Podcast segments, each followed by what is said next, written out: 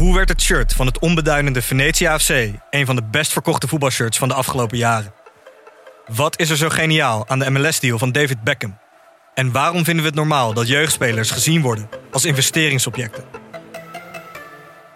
In de podcast Grof Geld onderzoek ik, Sam van Raalte, voetbaljournalist, samen met merkstratege Per van der Brink de macht van geld in de voetbalwereld. Wat gaat er schuil achter de wereld van sport en glamour? En wie profiteert er? Luister naar Grof Geld en hoor hoe de Skybox de staantribune beïnvloedt. Dit programma wordt mede mogelijk gemaakt door Toto.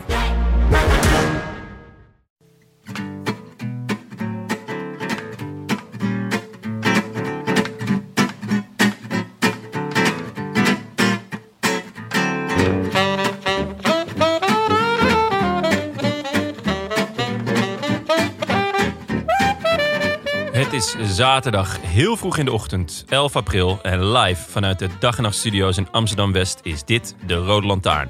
De wielerpodcast van Het is Koers.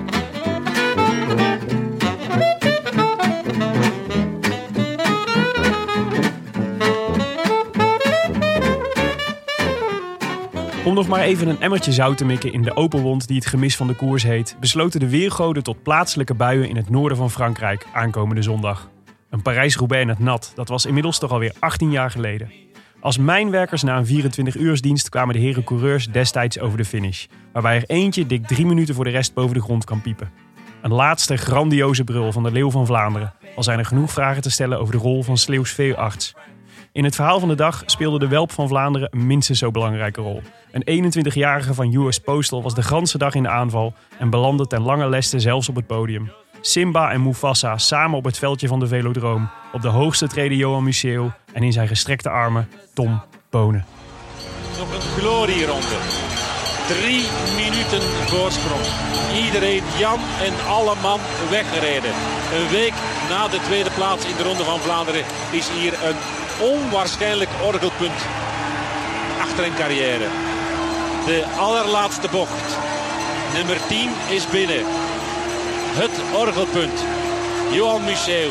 Schitterende wedstrijd. Schitterende carrière. 5 plus 5 is 10. Het werk is af. I wish I could be in the south of France. In the south of France. Sitting right next to you. Skitterend, Mufasa. Mufasa. Koude rilling hoor. Ja, mooi hè? Mufasa. Jongens, jullie hebben toch niet, eh, Willem, Jonne, leuk jullie weer te zien. Is gelijk. Jullie hebben toch niet in een groepje gewielrend hè, afgelopen week? Ik heb in een, eh, in een mega grote groep gewielrend. Gisteravond. Ongeveer eh, 300 man. Shame on you Willem, Gewoon shame met- on you. Gewoon met 300 man door het centrum van Amsterdam gekoerst. Nee, op de Alpe du Zwift. Dus we zaten wel allemaal, eh, allemaal geïsoleerd. Maar het was mooi. Wat was, eh, wat was de gelegenheid?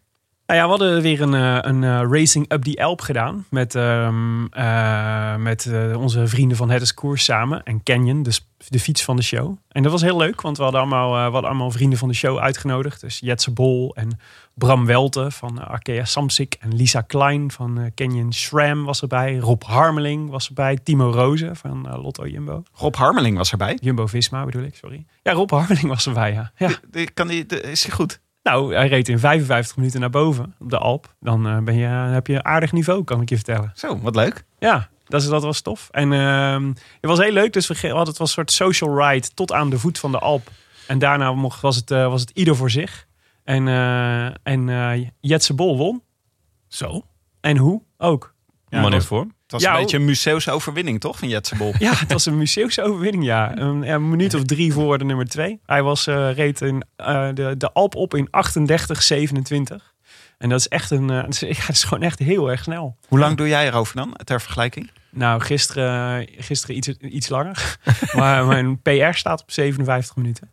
Ah, ja. Eh, dus, eh, en eh, toen was ik echt, eh, toen heb ik mezelf, was ik helemaal choco. en dan rijdt hij gewoon echt een kwartier, Ja, kwartier sneller. ja, ja. En was ja. dit op jouw Ja, nou, spik 20 splinternieuwe fiets bijna. van de show? Nee, dit was niet op mijn splinternieuwe. Dit was op mijn, eh, mijn, eh, mijn, mijn, mijn oude, oude barreltje van Canyon. Ah, oké. En, eh, Maar gisteren wel, toch? Op je spik splinternieuwe? Of ook Nee, niet? nee, nee. Oh, nee, gewoon nee, echt? want die durf ik nog niet op mijn Zwift te installeren. Want ik ben Echt? bang dat die beschadigt. Ja. Wa- Ja, Maar het lijkt me op een Swift toch veiliger dan als je ermee op de, op de weg gaat ja dat, is, dat is zo. Maar de, ja, het is een gebruikersding. ding toch? Een gebruiksvoorwerp. Ja. Ja. vooralsnog eh, mag ik er graag naar Ik heb namelijk een nieuwe fiets van de show gekregen. Daar ben ik heel... eh, daar, daar, daar ga ik, die gaan we binnenkort wel even een paar foto's van posten op onze socials. Want hij is zo prachtig. Wat voor, wat voor fiets is het dan? Ja, het is zo'n hele chique Canyon die niks weegt. En, en, en super mooi is. Dus het is ja, een zwarte. Is, is dit er eentje waar, eh, waar eh, Quintana ook op zit? Of Valverde? Nou, die, hij komt in de buurt, denk ik. Ja, Ja? ja. Oh, wat Ja. tof. dat is- Helpt dat dan ook als je op een Swift een goede fiets hebt? Nee, ja, nee. Ja, Uiteindelijk natuurlijk moet je helpt wel het zelf een- trappen, neem helpt aan, het een beetje. Maar je mag natuurlijk in Zwift mag je zelf instellen op welke fiets je naar boven rijdt. Dus dat je kunt gewoon instellen dat je een virtuele fiets hebt die drie kilo lichter is dan, eh, dan, die, eh, dan waar je zelf op aan het rijden bent. Dat is vals spelen, Willem. Ja, maar dat mag iedereen. Dus je mag zelf je materiaal kiezen. Dus je mag zelf kiezen waar je op, waar je op, gaat, eh, waar je op gaat, waar je mee wil rijden. Alleen je hebt natuurlijk altijd te maken met je eigen techniek, zeg maar. Dus je, je eigen tax en je eigen, je eigen fiets die wel meespelen. Dus ik heb bijvoorbeeld een heel oud wiel in zitten. Nou ja, dus mijn, mijn, mijn, versnellingsapparaat is niet per se top op als ik aan het zwiften ben. Maar ja, daar kom je wel uit. Maar dus, het, was, het was superleuk, want we waren met een, nou, wat is het, 250 man of zo echt eh, weer een eh, enorm peloton. En eh, ik vond het ook echt leuk dat dus, dus al, die, al die toppers die allemaal meereden en zo. En Bol die ging er echt voor. Ja, Het is wel, mooi dat die, die zit natuurlijk al een tijdje in isolatie. Dus die moet, want die woont in Spanje. Dus die mag, mag helemaal niet zijn huis uit. Of tenminste, hij mag volgens mij twee minuten per dag of zo. mag, je, mag je even luchten. Dus die zal vast een verzetje nodig hebben gehad. Het schijnt dat, eh, dat je ook in, in Spanje en Italië... dat er allemaal mensen aanbieden om een hond uit te huren. dus dan kan je dat je even kan lopen met de hond. Ja, nou, dat snap ik. Dus misschien, eh, misschien een tip voor Jetsen. Ja. Maar zag ik nou dat jij net achter Gert-Jaap Hoekman bent geëindigd? Ja, de hoofdredacteur van nu.nl. Ja, dat klopt, ja. ja was mij hij net voor. net eh, voor de finish voorbij? Ja, het was een beetje vaag, want ik, ik had namelijk mijn, mijn hele apparatuur op, de, op, het, op het terras geïnstalleerd. En eh, dat had als voordeel dat ik, eh, dat ik lekker, lekker fris zat. Want je, je warmt enorm op als je aan op zo'n tak zit. Want je hebt geen rijwind. Dus dan word je, word je super, heel snel super heet. Dus ik dacht, dat moet ik voor zijn. Dus ik moet gewoon, ga gewoon lekker buiten zitten. En dan koelt het s'avonds lekker af. Maar ehm, eh, het nadeel daarvan is dat mijn wifi-signaal heel slecht was. En als, er, als je slechte wifi hebt, zeg maar, dan, ehm, dan zie je die, je, je mederijders niet meer. Dus dan, dat is dan het eerste wat hij schrapt uit het programma, zeg maar, van, om de verbinding. Oh, dat is dus ik zag eigenlijk bijna niemand eh, fietsen. Anders, ik wil maar zeggen, anders was dit me natuurlijk niet overkomen. Nee, daar had je nog wel even aangezet, vlak voor de finish. Misschien zag hij jou net wel. Nee, ik wil niet niks afdoen aan de prestatie van Gertje Avond. Die heeft gewoon, die reed ook gewoon. Dat is het leuke van zo'n avond. Die reed ook gewoon drie minuten van zijn, eh, van zijn PR af. En dat, is- dat hadden heel veel mensen gedaan. Dus het is, heel veel mensen hebben een uitstekende start van het paasweekend gehad daardoor. Maar je hebt dus gewoon wel eh, je gehouden aan het spotje van de KNWU. Ja, ik Rijdt heb- sociaal, rijdt alleen. Rijdt alleen. Ik heb gewoon keurig alleen, alleen samen gereden. Leuk. En Hey, als eh, mensen mee willen, nog een keer ook dit willen doen, kan dat dan binnenkort? Ja, dus het Scores doet het sowieso elke vrijdag zo'n social ride. En de, en, maar er zijn sowieso momenteel op Swift zo ontzettend veel eh, rides met al die, want al die profs vervelen zich helemaal de tandjes. Dus die zijn de hele dag zijn ze. Het enige wat ze hebben is zeg maar virtuele koers. Dus die zijn de hele dag zijn ze wedstrijden aan het rijden. Dus je komt echt om de havenklap Geraint Thomas overal tegen. En eh, het, is echt, echt heel, het is echt heel leuk. Dus, dus, eh, dus, en, ehm, maar wij gaan ook nog wel wat leuks doen, denk ik, in de komende tijd. Maar daar, gaan we, daar vertellen we binnenkort alweer wat leuk, weer wat meer over. Het valt mij wel op dat veel van die eh, ploegen zelf dingen voor zichzelf organiseren. Waarom Ja. doen ze dat niet samen gewoon? Ja, dat zou leuker zijn, hè? Ploegen Ja. tegen elkaar, weet je wel. Of, eh, dat zou, het is toch Ja. superleuk om een wedstrijd tussen Ja. Jumbo-Visma en Team Ineos te hebben. ja, dat zou heel mooi zijn. Ja, misschien, eh, misschien gaan wij dat wel proberen. Je weet. Oeh, spannend. Een cliffhanger. Ja, ja over, eh, over Jumbo-Visma gesproken, Jonne. Jij eh, had eh, afgelopen dinsdag een, een virtuele tête-à-tête met Primos. Nou, niet, niet zozeer een tête-à-tête. Ik, het was meer een voyeurisme Ah. dat ik mocht doen. Nee, wat, was, wat was het? ik was aanwezig bij, de, bij een Q&A. En daar, die, die kon je winnen bij Jumbo-Visma, geloof ik. Mhm. Dus een aantal mensen, ik denk een stuk of tien of zo, twaalf, Ja. hadden gewonnen. En die mochten dus eh, eh, vragen stellen aan eh Primos Roglic en aan Sepp Koes. In een, in een hangout. In een Google hangout. Hangout. Dus via ja, Zoom of iets, iets in die trant. Dus Ja. dan kon je, kon je elkaar ook zien. Ik mocht geen vragen stellen helaas. Ik had natuurlijk wel een paar prangende vragen. Maar eh, ehm, die, ik, ik werd gemute. Ja. Verstandig misschien ook wel. Maar ehm, ja, dat was geinig. Dat was leuk. Omdat het dus, het is heel exclusief. Ja. Het was niet dit werd niet uitgezonden eh, voor de rest van de wereld. Dus het was echt gewoon, je wint het. En dan zit je daar met, eh, met z'n twaalf. En dan ga- lekker een uurtje babbelen met de mannen. Wat Dus leuk. onder 24, eh, tussen 24 ogen. En, en, en, al- ja. en wat, eh, wat, was je, wat was je indruk van de, van de heer? Ja, ik vond met name Sepp Koes echt een gezelligerd. Die had echt een pretkop. Ja. En eh, die, eh, die had er ook wel zin in. Het is een, het zijn Amerikanen, die zijn natuurlijk ook wel goed in dit soort dingen. Misschien, misschien wel iets beter dan, eh, dan de In, dan gemiddelde introverte Slovenen. Ja, maar nee, dat was met name Sepp Koes kon, mij, kon mij zeer bekoren. Roglic ook hoor, heel degelijk. Ja. Aardige gast, dat is duidelijk. Maar bij, bij zat degelijke, er net, degelijke mensen gooi ik altijd uit mijn hangout. Ja, de- bij Sepp zat er net wat meer jeu in. Oké. Beetje- En, en eh, wat was de leukste vraag die eh, gesteld werd? Ehm, nou, er was een, een Sloveense dame die vroeg: ehm, als jullie een superkracht hadden, wat, is, wat zou het dan zijn? Ja. Waarop Sepp eh, niet lang hoefde na te denken. Die zei: Nou, het zou toch wel lekker zijn als ik alles kon eten zonder dik te worden. Had ik gewoon best wel vet antwoord. Echt een goede superkracht. Zeker. Ja, heel goede superkracht. Zeker van wielrennen. En, eh, en toen kwam eigenlijk ook gelijk de degelijkheid van Roglic om de hoek. Die zei, nou, ik zou het toch wel fijn v- vinden als ik, als ik alle mensen ter wereld kon genezen. Zei hij dat? Ja. Maar dat is helemaal geen superkracht. Nou, vind ik ook oh wel ja, een super- healing power. Ja, healing, Healing power. power. Nou, nee, stel- ik, stel ik je vind voor- het meer een superkracht omdat je alles naar binnen kan stoppen Ja. zonder dik te worden. Stel, stel je voor, je loopt met z'n drieën. Jonne loopt samen met Sepp Koes en Primoz Roglic loopt over straat. Ze komen monster tegen, ze worden aangevallen. En ze zetten allebei hun superkracht in. Ben je mooi te Aan de ene kant kijkt die Primoz Roglic die bezig is iedereen ter wereld te genezen. Nou, daar heb je ook niks aan op dat moment. En aan de andere kant Sepp Koes die de dichtstbijzijnde snackbar is ingerend. Ik vind het allebei inderdaad niet... we hotdogs naar binnen aan het stoppen is. Ja. Ja, Goede superkrachten. ja zeker. Nou, goed om te weten. Ja, Ja. dat was leuk. Ik Mooi. heb ook wat leuks gedaan. eh, Ja, maar nog week. eventjes dan, want, want eh, dit, doen, dit doen ze dus elke dinsdag. En, dat is, eh, want, eh, en aankomende dinsdag is dus met Dumoulin. Ja. En vriend van de show, Lennart Hofstede. Dus Oh. je kunt aankomende dinsdag, als je wil, weer aanhaken. En als je dat nou ook wil, luisteraar thuis, dan moet je even naar staysafetogether.teamjumbovisma.nl. Dat is hun, eh, hun nieuwe hangout voor, eh, voor eh, deze corona-periode. nog, nog één keer. staysafetogether.teamjumbovisma.nl. En daar staan allemaal leuke, leuke corona-tijd-proof eh, dingen op. Zoals een documentaire over Wout van Aert ook. Die ook eh, zeer de moeite is.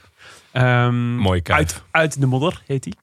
En, eh, Mooi, maar, eh, maar, eh, maar ja, dus dinsdag kun je, en je kunt je dus opgeven voor die hangout met Dumoulin en eh Lennart Hofstede. Dus dat zou ik zeker even doen als ik jullie was.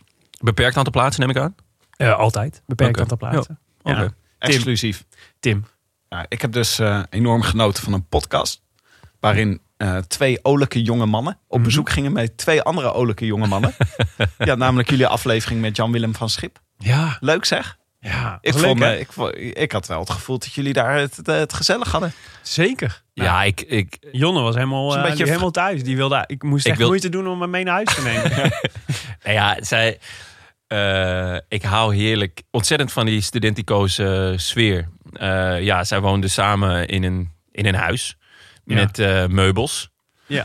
Eh, en die meubels, Waarom, Kwamen- zeg je, waarom zeg je dit zo? Je hebt Nou, die kwamen- opgetrokken. die kwamen eh, niet van de, van de Ikea of de designing. Die kwamen gewoon lekker van straat. Ah, Eh. Ja. En eh, het was echt een heerlijk, een heerlijk huishouden. Gewoon eh, twee jongens die geen studenten waren, maar wel in, in een dergelijk huis eh, leefden. Op een manier die mij enorm kon bekoren. Heel relaxed, heel ontspannen. Ja. En eh, we hebben daar lekker. eh, Het kapitaal stond duidelijk in de schuur, zeg maar. Ja, iets, eh, ja, dat zeker. De schuur zag, zag ook echt Alle- perfect uit. alle, alle andere dingen had je gerust mee kunnen nemen. Ja, nee, het was anderhalf uur hebben we echt lekker zitten ouwe hoeren. Jan-Willem van Schip, superleuke gast. Intelligente jongen, veel humor. En het, was, het was leuk om hem, om hem uitgebreid te kunnen spreken. En, en te vragen naar, naar hoe hij kijkt naar, zijn, naar, naar, naar wielrennen. Maar ik dacht toen ik dit zo hoorde, dacht ik, wa- wa- waarom wordt hij nou niet opgepikt door een van de grote ploegen? En het lijkt me ook wel een, dat mensen misschien denken van, eh, nou, dit is wel een eh, wijsneus die zelf weet hoe die het, eh, hoe die het het beste wil doen. Dus Ja. dan vallen er gelijk al een heleboel ploegen af die zeg maar een soort protocollen hebben waar Tegen wijsneuzen zijn. ja, die tegen wijsneuzen zijn. Misschien is dat het of zo. Nou ja, het was eigenlijk, dat is volgens mij zo'n beetje het enige wat we konden bedenken. Want op kwaliteiten, op kwaliteiten doet hij, eh, doet hij voor niemand onder, zeg maar. Ja, ik dacht ineens, ook dacht ik, eh nou, eh, hardrijder, eh, eh, ste- stevige gast, weet je wel, goed op de baan. Ja. Ik, zag hem, ik zie hem ook wel gewoon bij Ineos rijden. Ja. Kan, kan ik me ook best voorstellen. ja. Ja, dat zou, dat zou vet zijn. Zeker, Ineos is natuurlijk ook altijd wel bezig met de marginal gains. Ja. Eh, daar zou die, ja, hij zou daar in mijn ogen best passen. Zeker ook met, de, met zijn baanverleden. Maar zeker ook omdat hij gewoon, hij is gewoon wereldkampioen. Ja. Ja. Ja. ja, dat is toch gewoon wel, ehm, qua, qua uitstraling voor je ploeg is dat toch echt al gewoon een enorme winst. Naast het feit dus dat hij ook eens eh, gewoon camera geniek is. Ja, Eh, precies. hij, hij is altijd, het is gewoon een heel leuke gast. Dus je zou zeggen van, hè, eh, Ja. makkelijk scoren ook voor een ploeg. Maar Ja, dacht ik ook. toch angst voor, voor ehm, ja, wat anders. Ja, maar zeker, die klein, zeker van die kleinere ploegjes in de World Tours. Dus de, de Wanties en zo. Daar snap ik het echt niet van. Nee. Want dat is toch, dat is toch, die moeten toch juist hebben van publiciteit. Dan heb je toch juist mannen nodig die, dan, die daarvoor kunnen zorgen. Ja, Weet je wel, of door uitslagen te rijden. En als ze dan go- goede uitslagen hebben gereden, om dan ook nog zeg maar de clip van de dag te worden. In, eh, ja. ja, snap ik echt. Ik, snap- ik snap er eigenlijk helemaal niks van. Nee. Maar ik, dacht, ik dacht eigenlijk meer van, misschien kan hij beter bij een grote ploeg gaan rijden dan bij een van die kleine ploegen. Ja. Dat hij misschien gewoon net iets kunnen. te veel excentriekeling is voor zo'n kleine ploeg. Ja. En dat hij bij Ja. zo, beter bij zo'n grote ploeg past, waar hij inderdaad met marginal gains bezig mag zijn. Waar ik heel blij van werd, was dat hij, eh, dat hij niet zo eh, depressief was over het uitstel van de Olympische Spelen. Daar had ik echt, was ik echt een beetje voor. eh, ik dacht echt, ik- eh, als ik jou was geweest, was ik nu echt, eh, was ik nu echt in een, in een wak gevallen. Ja, maar dat, dat gaf je ook wel aan, hè? Hij Maar zei- het was een weekje, Een zei week, ja, Ja. maar dat vind ik heel knap. Ja. Ja, om een week van slag te zijn en dan te denken, oké, en nu, Hij nu vond het gaan we weer wel lekker nu, toch? Ja, zei- ja, zeker. Even, even een periode zonder stress en gedoe. En gewoon even rust, rustig naar de supermarkt en zo. Ja, Ja, Maar misschien die is dat... renners, eh, die zitten ineens in normale leven allemaal. Nou ja, voor zover dit Ja. leven normaal is. Maar die, ja. dan denk je toch van, ja, die moeten ook ineens gaan denken, ja, wat ga ik nu met mijn dag doen? Ja, zeker. Maar ik dacht ook, het is echt eh, de kwaliteit van de topsporter ook natuurlijk om om te gaan met, met dat soort tegenslagen en daar dan iets goeds van te maken of zo. Dus het, eh, het, ik dacht, schrijf hem maar vast op voor over anderhalf jaar in Tokio. Maar echt een luistertip. Luister hem nog even terug. Die aflevering die staat zeker. sinds donderdag staat die klaar. Dus Ja. eh Hey, die ook ehm, even luisteren. Ehm, we hadden natuurlijk een prachtige uitzending gemaakt over eh, de Ronde van Vlaanderen vorige, vorige week. dankjewel Ja, Willem. voor, ja, Ja. ja. Vond je dat, prachtig. eh, Ja. Wilde je even zeggen dat we een hele even, mooie eh, aflevering hebben even gemaakt? zelf compliment. Dat was een, eh, was een, was een, een prachtige uitzending. En toch zijn er her en der wat foutjes in geslopen. heel gek, heel gek. Ehm, zo kregen we een, eh, een, eh, een briefje of een mailtje van... eh het zou het zijn als mensen ons ook fysieke post gaan sturen. Maar een mailtje van Romy Appelman. Die ons schreef... ehm, ik heb wel eens met plezier naar jullie podcast geluisterd... terwijl ik over een zonovergoten en bijna lege snelweg naar huis reed. En ik kan voor het eerst iets bijdragen aan jullie uitgebreide kennis van de koers. Eh, het gaat namelijk over de Twentse eigenaar eh, eh, waarvan het jasje dat Sagans fataal werd in de ronde van 2017. Sagan had toen inderdaad het initiatief genomen om de man te ontmoeten. Dat had jij toen al, Ja. gaf jij toen al aan. Maar die ontmoeting is nooit doorgegaan. Want volgens Sagan was de lol er wel af toen de man niet meteen enthousiast reageerde. Maar, en nu komt het, het meest Nederlandse wat je ooit hebt gehoord. Begon over een vergoeding voor zijn jasje. Zo staat te lezen in Mijn Wereld van Peter Sagan. Hoewel deze autobiografie niet bijster goed geschreven is, blijft Sagan in mijn ogen een topkerel. topkerel. Dit was eh verre familie van eh, Wop Ho- Wopke Hoekstra. het Zo de mythe. Dat, Ja. je dan, dat je dan gaat vragen om, om geld voor je jasje. Ja, ik heb, de, ik heb het ook gelezen. Ik heb die biografie ook gelezen. En nu, toen ik die mail las, dacht ik, oh ja, dat was het, ja. Er was Holy iets heel shit. tragisch aan de hand. Maar Ja. ja, nee, ja. Al, mijn, al mijn beetje sympathie voor die man is nu echt verschwonden. Ah, misschien was het een heel duur jasje, eh, Willem. Stel, je hebt er gewoon eh, weken voor gespaard. Ja, Maar er waren meerdere mensen die dit aan ons mailden. Hè? Dit, ja eh, mensen zijn er woest over. Ja. Ja. Er waren nog meer rectificaties. Ja, Koen Rijmakers mailde ons ook. ehm, over dat de pech van Bonen was niet onderaan de Taaienberg, maar was, on, was onderaan de Taaienberg en niet aan de Paterberg, zoals wij zeiden. En dat is belangrijk, want de Taaienberg is een beetje Bonensberg. Ja. Daar had hij eerder eh, dat jaar de E3-prijs ook op eh, beslist. Onvergeeflijke fout van jullie.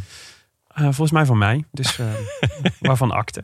Ehm, en eh, nog een fout van mij. Eh, ik had het over, we hadden het over, over Sagan. Die, eh, die, hij viel dus omdat hij eh, me- de hele tijd wegstuurde van de pootjes van de hekken. Mhm. Eh, en eh, toen maakte een, een parallel met, een, eh, met eh, Parijs-Roubaix met Niels Poliet. Waar hij dat ook zou, ge- gedaan zou hebben. Maar dat was natuurlijk niet. We bedoelden natuurlijk Sylvain Dillier in 2018. Want Poliet was niet met Sagan op het pad, maar met Gilbert in 2019. Ja. Maar de vergelijking blijft. Ik vind het wel leuk dat we nu elke keer bij eh, de rectificaties... dat we ook de naam noemen van wie het een fout was. Ja, vind ik echt, eh, echt een toegevoegde waarde.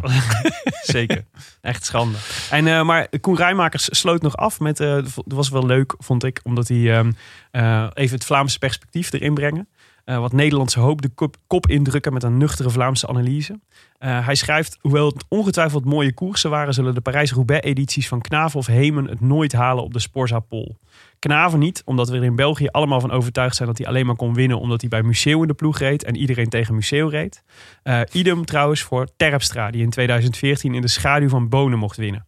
In 2012 moest hij immers nog uit het wiel.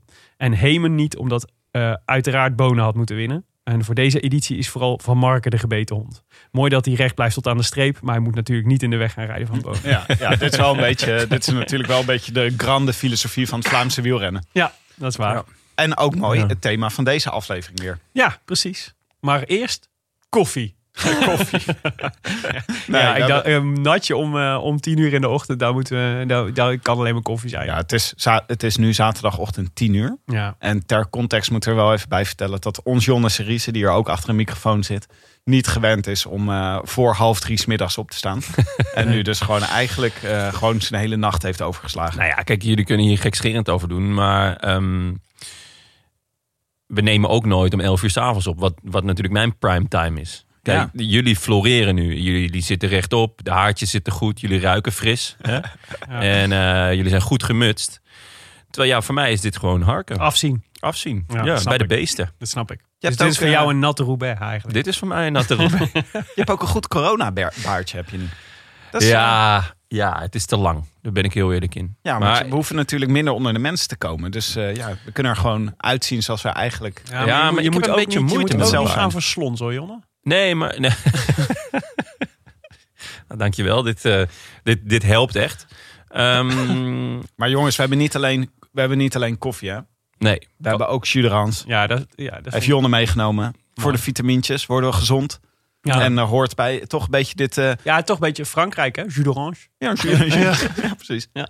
Eh, Ik krijg eh, altijd bij dit soort, eh, bij 's ochtends zo'n aflevering opnemen en dan jus d'orange drinken. Mhm. Dan moet ik toch een beetje denken aan Villa BVD, die dat eh, ja. vroeger, weet je wel, die dan, eh, Ja. die begonnen dan Ja. de aflevering met hoe het er 's ochtends uitzag. En dan zat Jan Mulder zat in zijn eh, linnen overhemd, zat hij een eh, jus d'orange eh, te drinken en de krant te lezen. Mooi. Mooie, mooie beelden. Zo, zo moeten mensen zich dat ook voorstellen. Wij zitten op een rots, beneden de zee.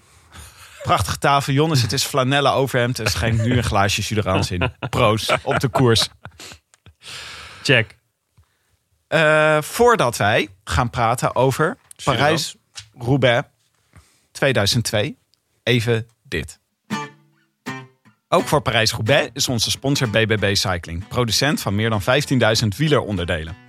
Wij bellen voor de voorjaarsklassiekers telkens even met de specialisten van BBB om te vragen hoe de renners zich het beste kunnen voorbereiden op de klassieker die we deze week bespreken. Vorige week, bij de Ronde van Vlaanderen, hadden we het al even over het extra stuurlintje. De gevoerde handschoenen en de vingers intapen, eventueel, voor wanneer je over de kasseien scheurt. Dat geldt natuurlijk ook voor Roubaix. Maar hier is de gouden tip vooral de juiste bandenspanning. De regel voor de standaard racefietsband van 25 mm is dat je 1 bar lucht moet hebben per 10 kilo lichaamsgewicht. Weeg je dus 70 kilo, dan doe je 7 bar lucht in je banden. Maar voor Roubaix is dat net even anders. Bij een te harde bandenspanning stuit je compleet over de weg, waardoor je de controle verliest en een veel grotere kans hebt op lekrijden. Het is dan ook aan te bevelen om onder extreme weersomstandigheden de bandenspanning te verlagen. Dat zouden de renners dus moeten doen voor deze week, voor Roubaix. Waar je normaal met bijvoorbeeld 65 kilo 6,5 bar zou hebben, zakken veel renners naar 5 bar. Maar de perfecte balans zullen de renners natuurlijk niet zomaar weggeven, want dat is immers het geheim van de smid. Oké, dankjewel BBB Cycling voor deze tip. En dan gaan we nu door met de aflevering. Jonne, even over Parijs-Roubaix. Is het eh, een van je favoriete koersen? Ja, zeker, zeker. Maar hij, hij haalt het toch echt niet bij, eh, bij de Ronde van Vlaanderen. Ik ben, ben wel benieuwd eh, hoe jullie daarnaar kijken. Het is Eh, mijn absolute favoriet. Ja? Ja. Ja, Ja. hij staat bij jou boven de Ronde van Vlaanderen, Willem. Ja.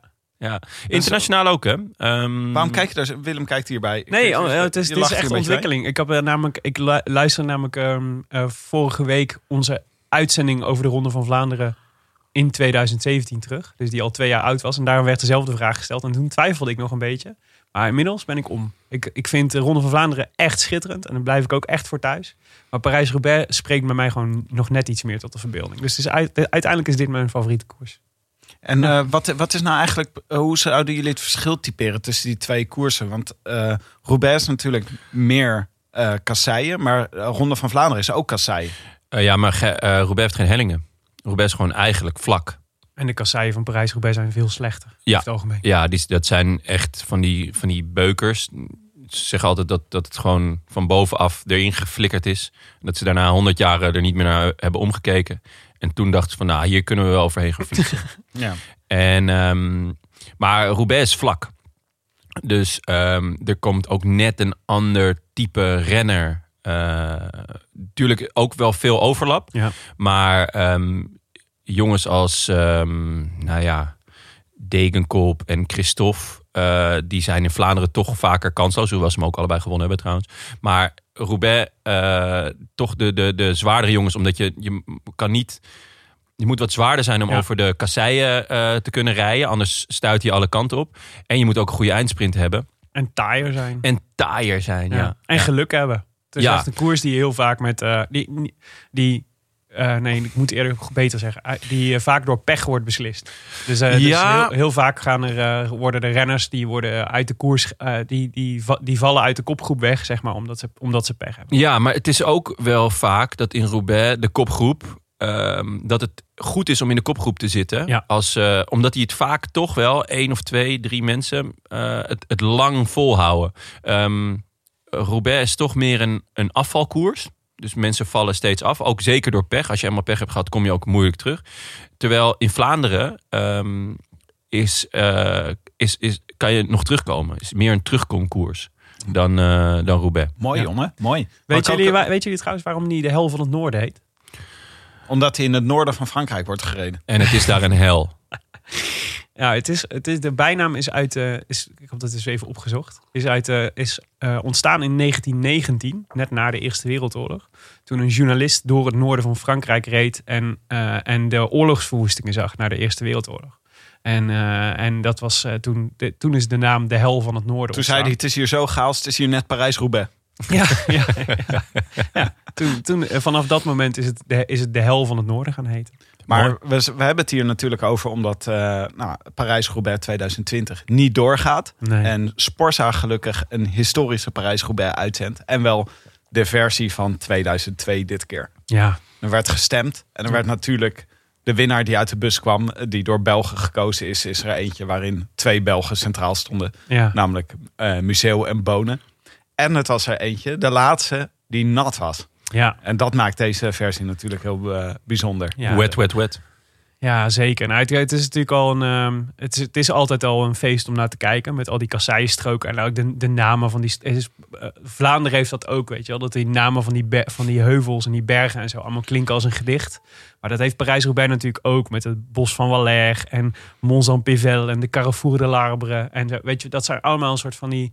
Ja, zo prachtige namen die je dan, waar je echt wel heel erg op kunt verheugen. Ja, ze zijn het. Ze Maar als ze nat liggen, ja, dan zijn ze het allerleukste. Want dan, dan komt is het er echt feest. ontzettend veel techniek bij kijken. En Ja. het wordt nog zwaarder. Ja. En het is dan ook gewoon waaiers en kasseien en lekrijden en vallen. En het gebeurt gewoon bijna nooit. Nee. Want eh, het is eh, inmiddels eh, tw- eh, 2020 en 2002 was de laatste keer. Dus Gro- op de grofweg 18 jaar geleden zou ik, ze- zou ik willen zeggen. Mhm. Maar eh, daarom is dit natuurlijk een extra, extra mooie editie. Ja, ja zeker. En ehm, ja, mega blubber power race werd het. En even, even, voor, Harry de Hengst. ja, die miste ik nog. even, voor, eh, even voor de context. Waar 2002. Ja. Waar, waar waren jullie in 2002? Jongen, je had nog een, eh, je had nog een paardenstaart, hè? Jij droeg leren jassen in 2002. Nee, dat eh, vond ik echt walgelijk. Je, Ik eerste, zat, eh, je eerste poegje. Had je toen. meer- mijn buikschuiver, ja. Nee, ik zat gewoon in de koffieshop, denk ik. Ja, hè? Zoals de rest van het Montessori Lyceum. ja die, die- dus je bent al die jaren eigenlijk een beetje vergeten. Zo. Ja, dit zijn, dit zijn de, de zwarte jaren. Nee, volgens mij deed ik eh, eindexamen HAVO. Of, of, of ik zat in 4 HAVO of een 5 HAVO. Ik was in ieder geval lekker aan het chillen. Want ja, Het was niet heel moeilijk allemaal. En eh, ja, heerlijk, heerlijke jaren. Gewoon lekker nog bij mams thuis. Maar Roubaix heb ik niet gekeken. Dat weet ik vrij zeker. Ja, ja, deze heb je niet gezien destijds. Nee, ik, ik was 16 toen. dat was gewoon. eh, de, ja, er waren een aantal dingen waar ik mee bezig was: Eh, voetbal, stoer zijn en ja, eh, meisjes. En jij, Tim?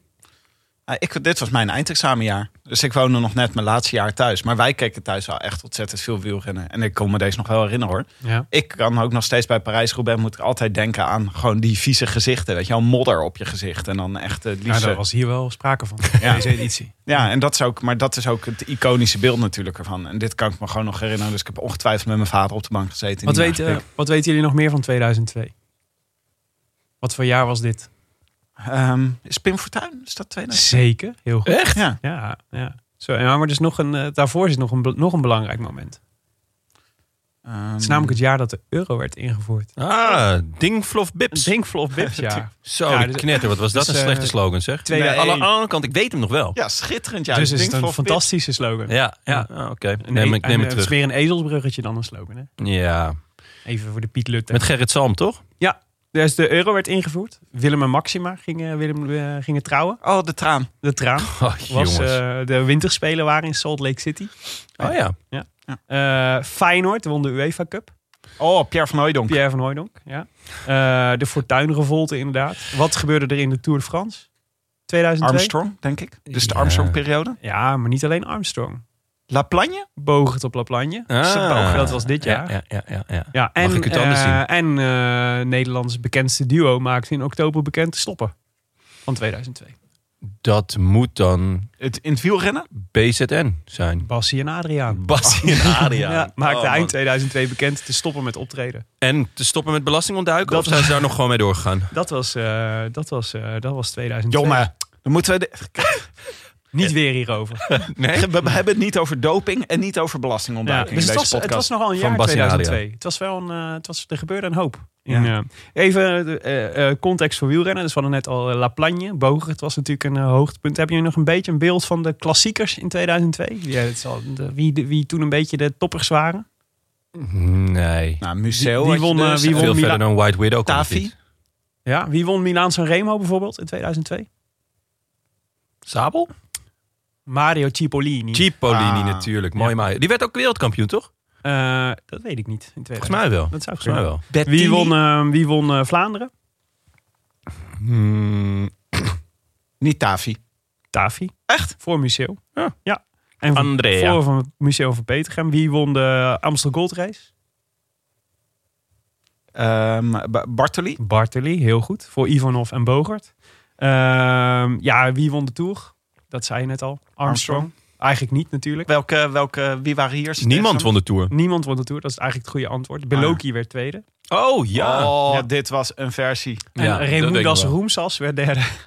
Oh ja, en uh, Roemsas en Roemsas. Armstrong zijn allebei geschrapt uit de uitslag. Ja. En Beloki is tweede gebleven. Gek genoeg. Ja, maar dit Ja. is echt... Als ik één beeld onthoud van het wielrennen... dan is het toch wel die valpartij Ja, van ja. Beloki Ja. en Armstrong... die door het gras rijdt. Ja. ja.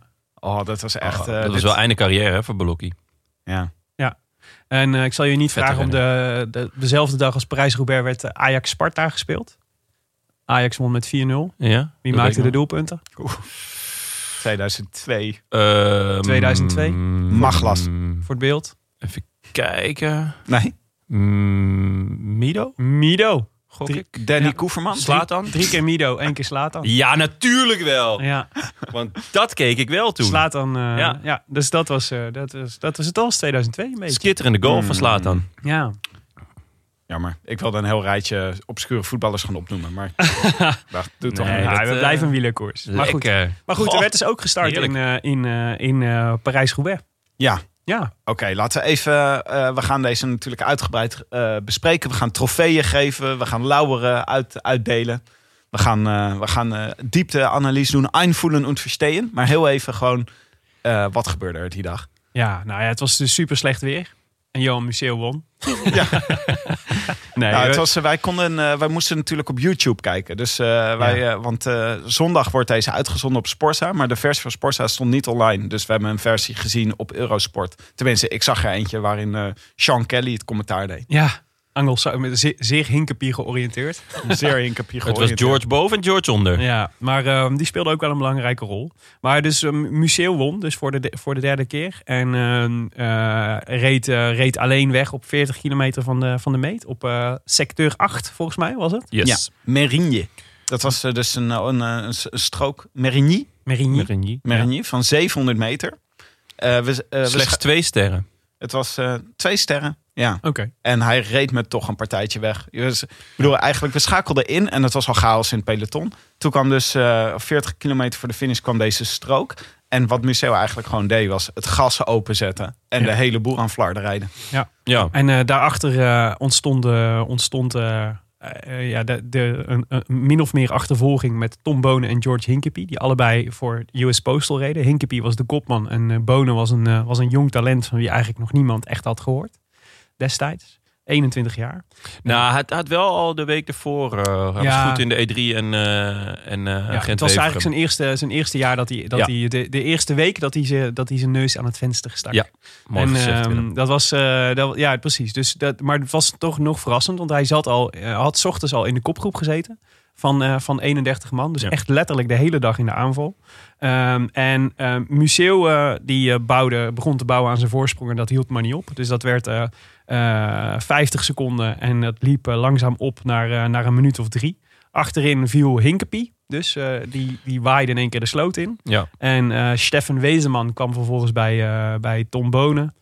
Museo was al veel te weg en eindigde met drie minuten voorsprong op de velodroom. Eh, en vervolgens bleek Bonen eh, minder goed te zijn eh, aan het eind dan Wezeman. Die werd dus tweede. En voor Museo was het eigenlijk zijn laatste, of zijn ene laatste grote overwinning in een, in een klassieker. Het, in dat najaar won hij nog de Vattenfall Sai Classics. Ja, Prachtig. grote zegen. Dat was Ja, een elfde Hamburg. en laatste, maar het was een Hamburg, tiende. Dus dat is het beeld wat mensen vaak onthouden van deze. Is dat de besmeurde, met modder besmeurde kop van Museo over de velodroom aankomt. En dan twee keer, of twee, twee handen in de lucht steekt. Met ene in zijn eh, vijf vingers omhoog. En de andere hand ook twee vijf vingers omhoog. Dus om aan te geven dat het zijn tiende grote zege was. Ja, en daarachter komt nog een groepje, eh, het groepje wat binnenkomt. eh, Ja. Is met, wordt, waar de sprint wordt gewonnen door Tristan Hofman. Ja. Waar Hinkepie ook zit eh, in dat groepje. Maar ook Max van We Heeswijk. Ja, Dus dat is eh, wou je nou Max van Wezel zeggen? Max, Max van Wezel. dat- Max van Ja, Wezel dacht die deed die dag ook mee, 2002. 2002. Tijd geleden. Een DNFje had hij. Ongelukkig, Max. Max van Heeswijk, ja. Ja. God, daar moeten we het straks ook nog wel even over Ja. hebben. Even voor de, Had ik even heel voor, lang niet aan gedacht. even voor de administratie. Dus eh, de, de, de top 10 hier was dus Johan Museo. Daarna kwamen eh Wezenman en Bonen. Dan kreeg je een groepje met Hofman, eh, Lars Michelsen. Michelsen. Michelsen. Lars Michelsen. Deen. George, George Hinkepie, Thierry Gouvenou. Parcoursbouwer Ja. van, eh, van de Tour inmiddels. Tweede man van de Tweede Tour, man, ja, van, de, van, de, Preud'homme. van de ASO. Van de ASO's. Nico Matan werd achtste, Max van Heeswijk negende en Enrico Cassani werd tiende. Ja. Nog een ereplaats voor Servaas Knaaf op de dertiende plek. Mhm. Maar die kwam in het volgende groepje binnen. Ja, maar Hofman dus vierde gewoon. En, eh, en eh, beste Nederlander. Het was zijn beetje zijn koers, hè? Dus uit dwars door Vlaanderen heeft hij twee keer gewonnen. En eh Parijs-Roubaix was hij ook altijd, was hij ook altijd sterk. Hij kon dit heel goed. Ja, Ja. dus hij, werd, hij werd dus nu vierde. En later nog een keer vierde. En, maar zijn beste prestatie was eigenlijk was tweede. Dat was twee jaar na deze, na deze Parijs-Roubaix. En jij hebt hem gesproken, Tim. Ja, ik heb hem even gebeld gisteren om te vragen hoe het met hem gaat. Hij is nu, hij is nu ploegleider bij Bahrein McLaren. Ja. En eh, hij is nu tijdens deze hij in Nederland. En eh, dat klonk zo. Tristan. Hey Tristan, je spreekt met Tim de Gier van de Rode Lantaarn. Ja, hi. Ben jij in Nederland op dit moment? Ik ben gewoon thuis, ja, in de Achterhoek in Groenlo. Niet in Bahrein voor de gelegenheid. Nee, dat ben ik nooit. Ik ben daar in het begin een keer geweest, maar dat hoef ik nooit naartoe. Jij werkt gewoon vanuit, eh, vanuit Nederland. Ja, ja, ja, zeker. Mijn thuisbasis eh, Nederland en dan vandaag uit uh, Vliegkoffer naartoe of Rijkoffer naartoe, ja. ja. Hoe gaat het eh, bij jullie op dit moment? Eh, eigenlijk best wel goed. Eh, de, ja, de, ik heb de drie kinderen en op zich uh, mijn vrouw die werkt van huis uit. Uh, ja, ik ben natuurlijk thuis. Uh, de oudste die, die is aan het leren en die is aan het sporten. En een jongen van 16 die een puberen is, maar zich ook nog wel vermaakt. En dan de jongste die heeft af en toe wel wat moeite mee, maar uiteindelijk na omstandigheden gaat het weer prima. Ja, en, en, bij het, en bij het team, hebben jullie nog een beetje contact met elkaar? Oh, bij de ploeg. ja. Eh, ja, nee, dat gaat op zich. eh, is natuurlijk nu ook allemaal rustig. Maar wij zijn sowieso één keer in de week. bellen wij in en dan worden we overal van op de hoogte gesteld en wat er gaande is. Krijgen we, laat maar zeggen, als, als ploegleider krijgen we ook een beetje de update hoe het met de renners gaat. En ja, hoe het met de ploeg gaat. Dus dat doen we sowieso één keer in de week. Maar dat doen we ook wel als, als we gewoon eh, de wedstrijden doen. En dan doen ze wat core stability training. doen ze, dus daar kun je ook in nog gaan. Ah ja. En voor de rest, het is gewoon, eh, ja, het is nu rustig. Je kunt niet veel doen. Jullie hebben niet een, eh, een WhatsApp groepje met elkaar waar jullie de hele dag eh, filmpjes met elkaar aan het delen zijn. Zoals iedereen op dit moment. nee, dat doe ik niet aan mee. Nee, nee, nee. Nee, nee, nee. Eh, nee, ik probeer gewoon. eh, eh, ik kijk natuurlijk naar het nieuws 's morgens. dat ik toch even op de hoogte ben van het rijden en zeilen. Maar ik ga niet de hele dag televisie kijken en filmpjes kijken om te zien de hele tijd dezelfde discussie aan te horen. Daar heb ik helemaal geen zin in. Nee. Dat ga ik niet doen. Dus ik ben flink aan het klussen thuis. Dus ik probeer gewoon allerlei werkzaamheden te doen rond het huis. dat dat allemaal in orde is. Eh, dat het seizoen straks weer begint. Ik hoop natuurlijk dat, ja, de- dat we dit jaar nog weer gaan koersen. Eh, dat het dat er gewoon allemaal op orde is. Dat ik me dan weer volledig ga concentreren op mijn werk. Ja. Ver- verwacht je nog iets van dit wiel- wielerseizoen? Eh, ja, mijn hoop is wel dat wij dit jaar nog wel- gaan koersen. En dan is het aan de UCI, de wielerploegen en de organisatoren, om daar een goed programma samen te stellen. En ik ben blij dat ik niet in hun schoenen sta, want dat is natuurlijk eh, heel moeilijk nu. Je, ja, je weet niet wanneer je kunt beginnen. Ja, en als we kunnen beginnen van ja, oké, hoe gaan we het invullen? Ja, dat is toch eh, eh, best lastig, denk ik, om dat op een goede manier te doen. Om iedereen toch een beetje tevreden te houden en niet mensen tekort te doen. Ja. Maar waar houden jullie nu rekening mee? Ik weet gewoon mijn eigen programma. Dat, ik zou dat Giro doen. Ja, dat, is dan, dat gaat natuurlijk niet. De Ronde van Zwitserland zou ik doen. Dat gaat ook niet. Ja, dan de eerstvolgende wat ik zou moeten doen is de Ronde van Polen. Ja, die is nog niet officieel geannuleerd. Dus, eh, eh, maar dat, ja, eh, denk niet. Ja, weet ik niet. Weet ik niet of dat gaat gebeuren. Dat is moeilijk. in- Denk het niet. Maar eh, het dat is hopen. in ieder geval. We hopen dat dat gewoon doorgaat. En dan sta ik er ook op voor de Vuelta. Eh, Ja. Dus ja, dat, eh, daar kijk ik dan naar wat mijn voorlopige programma is. Maar het kan natuurlijk ook zijn dat straks het hele programma wordt omgegooid. Dat mijn koersen anders worden ingedeeld.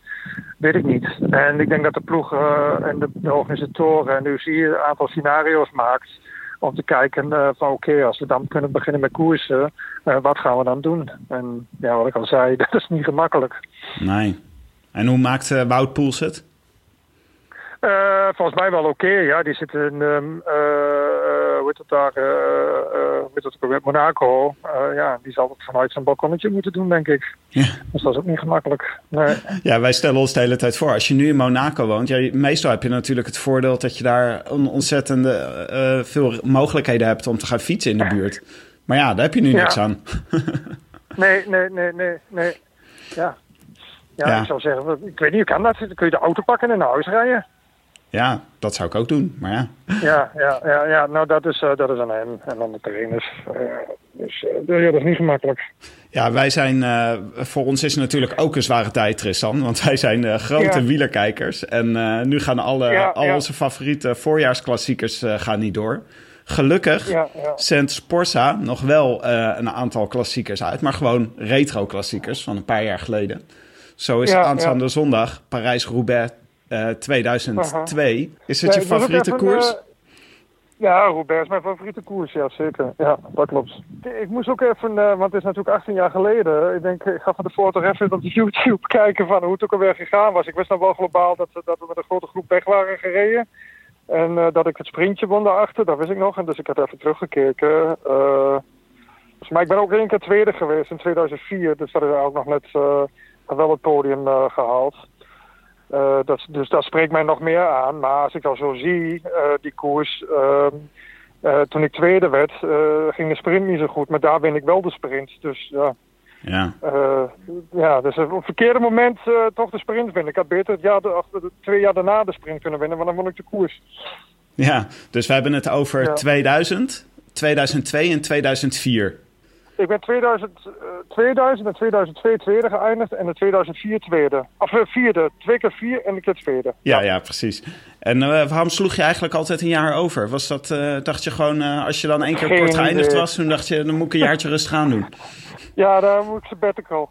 Nee, de keer dat ik vierde was, het jaar erop was ik eh, geblesseerd. En eh, toen had ik last van mijn knie, geloof ik. En toen ben ik uitgevallen. Ja, weet ik niet. Dat komt, ja, dat komt zo uit. Ja, En eh, is die van 2002, is dat daar ook eentje die je speciaal hebt onthouden? ja. Die heb ik niet, niet speciaal onthouden. Nee, wat, wat bij mij meestal speelt is toch eigenlijk 2004, omdat ik dat tweede werd. Ja. Dat is mijn hoogtepunt, maar ook mijn dieptepunt. Dat ik dan, ja, het was heel, voor mij persoonlijk was het wel een kroontje op mijn carrière geweest om toch die wereldbeker te winnen. Ik was, eh, eh, ik kon, met momenten kon ik goed mee met de, echt, laat maar zeggen, de toppers. En dan ik moet er wel een beetje geluk eh, bij hebben. Daar had ik uh, Parijs-Roubaix kunnen winnen. En ja, dat is net niet gelukt. Maar als ik dan zo zie, 2004, als ik dan toch de, sprint win achter die, ja, Michel die was natuurlijk heel ver weg. Die, die, die was van een andere planeet.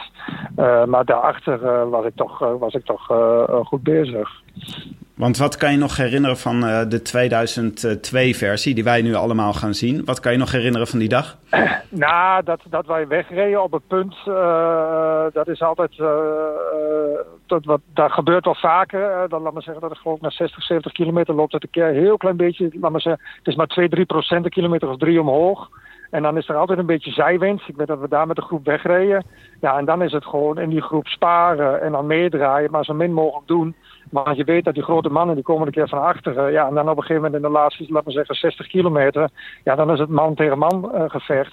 Dus ik probeerde wel zoveel mogelijk eh, toch eh, ook aan die finale te denken. Dat weet ik nog.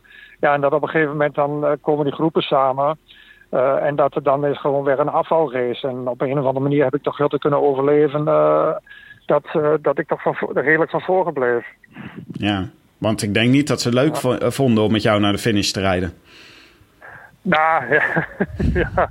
Eh, nee, nee, ja, want ik won uiteindelijk een sprintje. Dus ja, daar waren de hooggegadigden. Ik toch wel dat sprintje wou winnen. Maar Ja. ik pakte hem gelukkig, ja. Hoe, hoe schatte je toen destijds zelf je kansen? Want je had, dus, je had in 2000 was je al een keer kort gefinished. En eh, nu was het dus 2002, slecht weer. Jij zat in de koers. Je zat met de kopgroep mee. Was er ook een moment waarop je dacht, eh, nu, ga ik hem, eh, nu ga ik hem pakken? Nee, nee. Ik bedoel, ik, dat ik Parijs-Roubaix goed kan rijden, dat weet ik altijd. Maar om de overwinning te pakken, dat, dat, dat, dat echt het gevoel van ik ga hier winnen, heb ik één keer gehad. Dat was 2004, maar dat heb ik nooit gehad in, 2000, in die andere edities. Daar was ik goed en kon ik echt met die, de goede mee. Maar ja, als, eh, als er een aantal toch eh, ver voor je zitten, dus dan heb, je, dan, dan, dan, ja, dan heb je geen kans om te winnen. Dus dat was wel eh, duidelijk. Maar Ja. ja, dat is zoals het is. En wat voor, wat voor, met wat voor plan begin je dan eigenlijk aan, aan Roubaix? Wat is voor jou het ideale scenario? Denken, ja, eh, volgens mij was, eh, maar dat weet ik niet 100% zeker, maar 2002 eh, heb ik ook Vlaanderen gereden. Maar toen ben ik eigenlijk vrij goed gefinished in Vlaanderen zonder enig resultaat. Maar toen voelde ik me wel goed en toen werd ik een beetje ziek. En toen heb ik ook één keer heb ik de, heb ik de verkenning heb ik niet gedaan toen. Die heb ik toen maar overgeslagen. En uiteindelijk eh, eh, was ik fris genoeg om eh Roubaix toch een goede uitslag te rijden. Oh, dus verbaasde jezelf eigenlijk ook dat je die dag zo goed was? Nee, nee, nee, dat niet. Want ik voelde me eigenlijk na, na Vlaanderen toen was ik eigenlijk niet helemaal kapot. Maar uiteindelijk had ik er niks uitgehaald. Dus op een of andere manier kom je dan in een groep en ik kwam over de finish. Ik denk, nou, ik ben vrij goed hersteld. En toen werd ik toch wat ziek. En toen heb ik de, de, verkenning eh, overgeslagen. En eh, toen eh, was ik toch wat meer fris aan de stad gekomen. Maar waarom zeg je dat? je hebt de verkenningen overgeslagen. Was dat een, had dat impact op de, op de racedag zelf? Nou, eh, toch, toch eh, eh, dat je het gevoel hebt dat je een beetje ziek kan worden. Want dan kun je het natuurlijk wel gewoon doordrukken. Maar ja, uit, uit- achteraf gezien denk ik dat, dat ik toch net iets frisser was. Dus misschien was het wel goed om toch die, die vrijdag die 100 kilometer niet te doen. En zorgen dat ik gewoon helemaal met frisse benen aan de stad staat. Oh ja, dus dat had eigenlijk wel goed Ja. uitgepakt. Uiteindelijk wel goed uitgepakt, ja, vind ik wel. Ja, ja. Zo kun je, je kunt dat maar verschillende manieren bekijken. Ik heb toen ik eh werd naar teruggekomen in 2004, waar ik tweede werd, heb ik geen Terreno gedaan of geen Parijs-Nice. En wij denken altijd als klassieke renner, je moet toch een van die twee doen om daar goed te zijn. En uiteindelijk de keer dat ik tweede werd, heb ik die niet gedaan. Dus misschien denk, kun je ook wel bekijken van ja, is het wel goed geweest om altijd eh, dat zware programma te doen? Of ja, ja, dat weet je nooit. En Ja. uiteindelijk in 2002, eh, als ik die koers bekijk, heb ik het wel gewoon maximaal uitgehaald. Ik was al wat ouder. Ik was toch, om eerlijk te zeggen, een klein beetje op mijn retour. Maar die wedstrijd, eh, ja, dat- op een of andere manier lukte dat toch wel eh, dan. Ja. Want hoe, het is nu wel anders. Hè? De renners rij- bereiden zich wel anders voor nu dan dat ze destijds deden op, op Roubaix. Met, Eh, nou. met, de, met de klassiekers en met de Tirreno. Of is, dat, is dat eigenlijk min of meer hetzelfde? Nee, het is min of meer hetzelfde. Nee, de, laat maar zeggen, de grote mannen die willen wel graag Parijs-Nice doen of Terreno. Eh, om toch even die, die, die etappekoers in de benen te hebben en dan, dan klaar te zijn voor die klassiekers. Kijk, als je klassiekers doet en na Terreno dan, en Parijs-Nice, dan moet je tussendoor gewoon goed eh eh, eh, losrijden. Iedere keer wat lichte eh, interval doen, maar niet te veel. Dan heb je je training gehad en dan is het gewoon uitrusten tussen de klassiekers. Ja, oh ja. ja en ik had, ehm, ik had nog even opgezocht, want je reed destijds in 2002 reed bij CSC. Eh, Ja. eh, en wat voor, met wat voor ploeg waren jullie eh, daar destijds? Weet je dat nog? Want dat is, ik kon moeilijk terugvinden hoe CSC er toen voor stond. Nou ja, om eerlijk te zeggen, ik weet ook niet meer precies. Weet ik niet meer. Moet ik ook nakijken, dan moet ik het opzoeken. Ehm, Maar het was voor de periode eerste- ja, eh, ja, was voor de periode Cancellara. Eh Ries is natuurlijk een man, eh, die ploeg was natuurlijk gebouwd om ook voor, het- voor het grote, laten we zeggen, het grote rondelwerk. Maar de klassiekers heeft hem ook altijd geïnteresseerd. Dus uiteindelijk was dat voor de ploeg wel gewoon een goed resultaat. Hadden jullie meerdere goede mannen of moest het eigenlijk van jou komen? Ik, volgens mij in die periode moest het meer van mij komen. Volgens mij kwam Taffy laat. Bartoli heeft ook nog een jaar bij ons gereden. Heeft ook nog wel Robert gedaan. Eh, maar volgens mij meer de klassiekers kwam toen wel een beetje van mij, ja. ja. Als je nu terugdenkt aan deze race, hè, aan de versie van 2002, is er dan een beeld Ja. wat er bij je naar boven komt?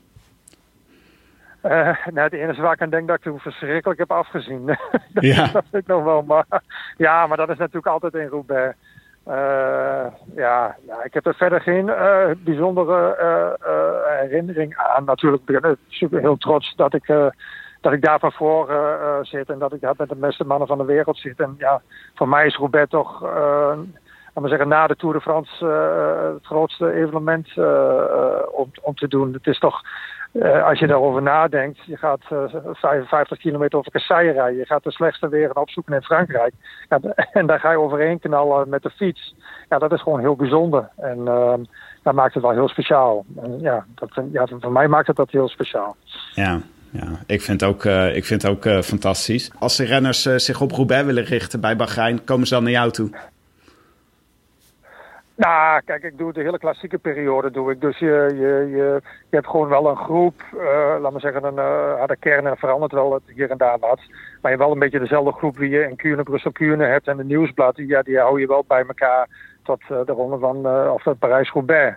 Dus ja, die jongens eh, eh, die, die vinden die wedstrijden fantastisch om te doen. Maar dat moet je wel doen, hebben.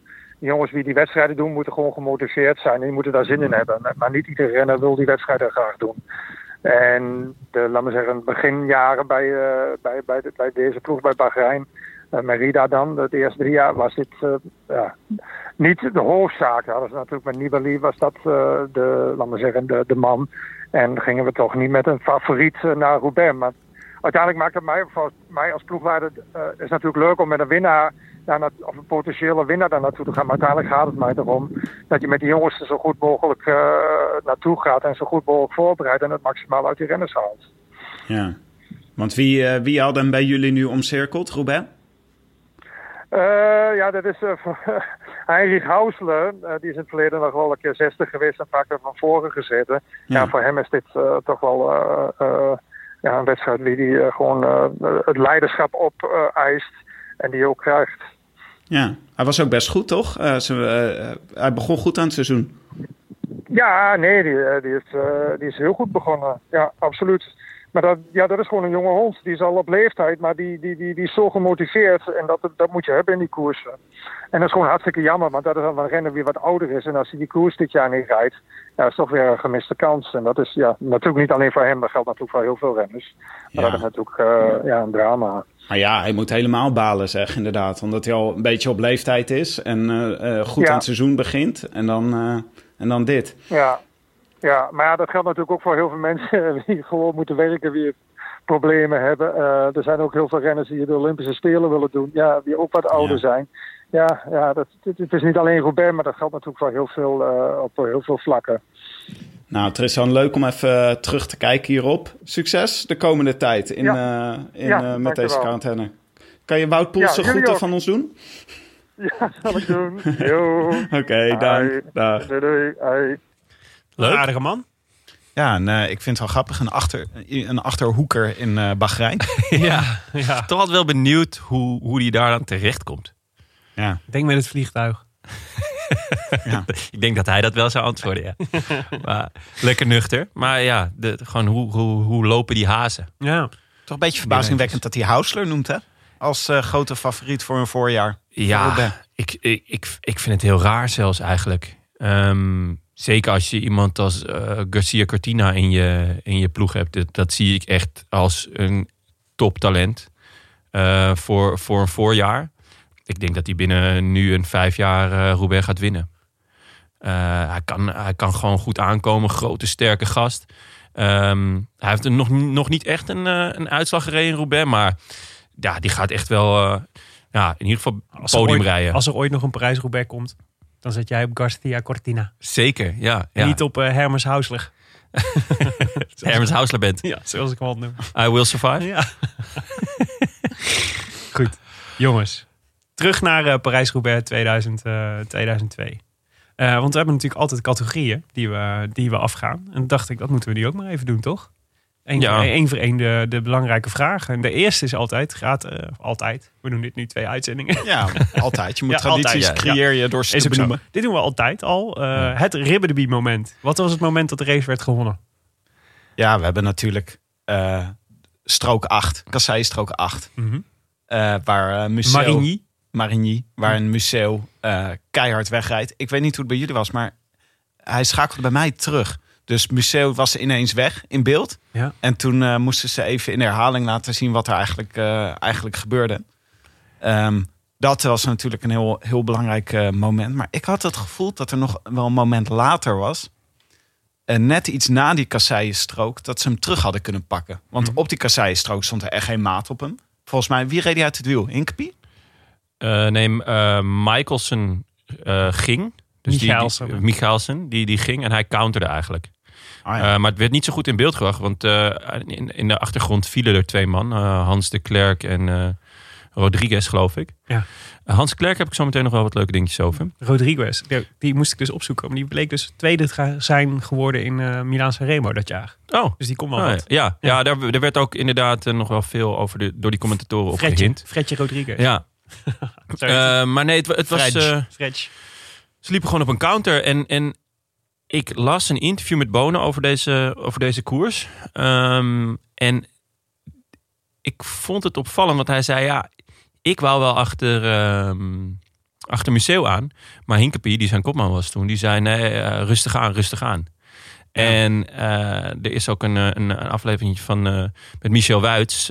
dat ze terugkijken op deze koers. Staat op YouTube. Staat op YouTube, ja, zeker. En eh, daarin zegt ehm eh, Wuits ook van ja, Bonen die zei daarna in het, in het plat, eh, wat is die, plat Vlaams van eh, ja, als die Hinkepie niet zo matig was geweest, dan had ik hem gewoon, eh, waren we er naartoe gereden. Ja. ja. Dus ehm, Nou, maar dat zie je ook echt gebeuren. Want volgens mij is de kasseienstrook is dan al voorbij. Want het is niet zo'n heel lange kasseienstrook. nee, 700 meter. 700 meter. En, ehm, eh, en dan na die kasseienstrook krijg je zo'n beeld. Zo'n helikopterbeeld waarin je bonen echt op volle kracht ziet koersen achter Museo aan. En dan zijn ze, is Museo nog niet zo ver uit beeld, zeg maar, in, de, op de, in het camera shot. Ja. Maar dan moet eh Hinkepie de hele tijd een klein gaatje laten gaan. En Ja. toen, dat is dus blijkbaar een moment geweest dat Hinkepie heeft gezegd... hey, eh, even rustig, eh, Tom Bonen. Ik weet eigenlijk niet wie je bent en waarom je hier ineens zo'n grote wafel opzet. Ja.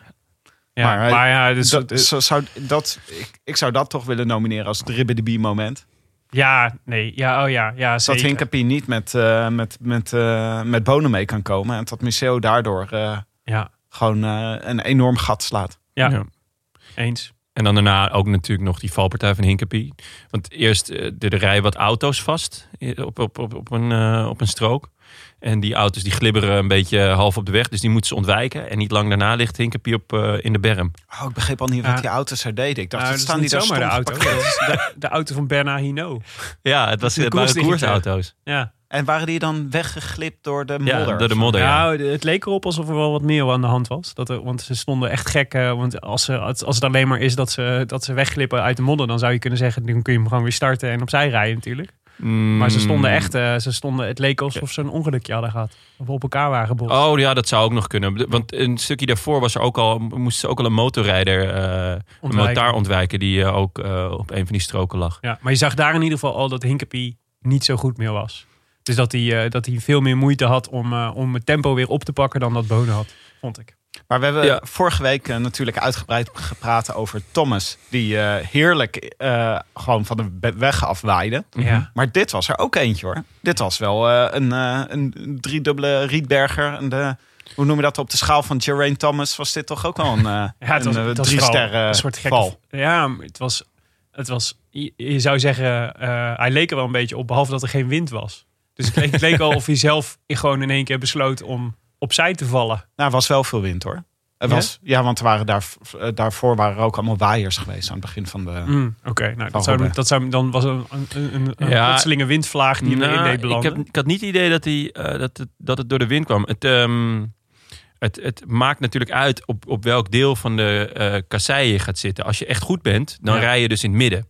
Want dan, eh, dan dokker je er gewoon, of dan stuit je er overheen, maar dan, dan trap je er doorheen eigenlijk. Als je wat minder bent, ga je in het gootje rijden, maar dan heb je kans dat je dus een, een slecht gootje pakt. En dan kan je dus ook eh, of lek rijden, want er Ja. ligt veel meer vuil, om het zo te zeggen. Of ehm, ja, je kan dus ook zomaar in een verkeerd gootje. Daar leek het een beetje op. Alsof je dus een, een net een verkeerde afslag of net een verkeerde kassei, waardoor die gewoon de berm in ging. Ja, het, nou, ik had het idee dat hij op de kam van de wel in het midden reed. Ja. Maar gewoon eh, maar eraf, eh, de, van de kam afging, zeg Ja, maar. En ja. dat die kasseien zo glad waren dat hij eigenlijk alleen maar om niet, te, om niet gewoon op de kasseien te vallen. Het enige wat hij kon doen was in de berm sturen. En daar lag een sloot. En die sloot was gelukkig droog voor hem. Ja. dat was denk ik zijn In tegenstelling tot de rest van de wereld. Ja, precies. Zo'n zo'n beetje het enige droge plekje van Parijs-Roubaix van dat jaar had hij gevonden. Maar het was wel een spectaculaire valpartij. Absoluut. Ja, en ik vind ook dat als je valt, dan hoor je gewoon helemaal te verdwijnen. Ja, Dat gebeurde hier ook. Hij was gewoon helemaal uitzicht. Je zag hem in die, in die goot vallen. Weg was Hinkepie. dat was wel echt zo. En dat was wel een beetje de Hinkepie. Het was misschien omdat wij dus eh Engelstalige commentatoren hebben. Maar het ging de hele tijd over Hinkepie. Ja, Maar ik kan me ook nog herinneren dat destijds op, op de NOS ook over Hinkepie ging de hele tijd. ja. Want ik heb Hinkepie ook altijd onthouden als iemand die heel goed was in Parijs-Roubaix. Nou, was ook wel natuurlijk. Ik had even zijn- de uitslagen van Hinkepie erbij gepakt.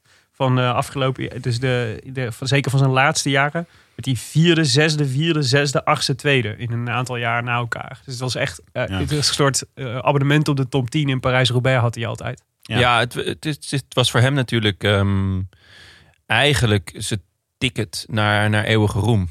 Eh, in Amerika tellen eigenlijk maar twee wedstrijden. En dat is de Tour en Roubaix. Eh, nou ja, in de Tour was hij natuurlijk eh, de, de superknecht van, eh, van Armstrong. Ja. Ehm, maar ja, daar schiet je weinig mee op als je stopt met wielrennen. Ehm, en voor Hinkepie was dus het winnen van Roubaix... ja, dat, dat, zou zijn, ja, dat zou zijn pensioen zijn, om het zo te zeggen. Naast het feit dat hij natuurlijk gewoon heel graag Roubaix wou winnen. Maar daar daarmee krijg je in Amerika eeuwige roem. En nou ja, het commentaar dat wij erbij hadden, dat was ook gewoon... Ja, in plaats van dat je de hele tijd de naam Tom Bonen hoorde... was het nu gewoon de hele tijd George, George, George en George. Klein smetje op zijn blazoen dat hij later natuurlijk zijn dopinggebruik heeft toegegeven. Eh, maar Ja. daar hebben wij het niet over in deze podcast. Of misschien, Niet? la- of misschien later. Misschien later. Ja. Hey, de, de, de Doe Me Toch trofee. Wie had ook kunnen winnen als hij wat had gedaan? Tja.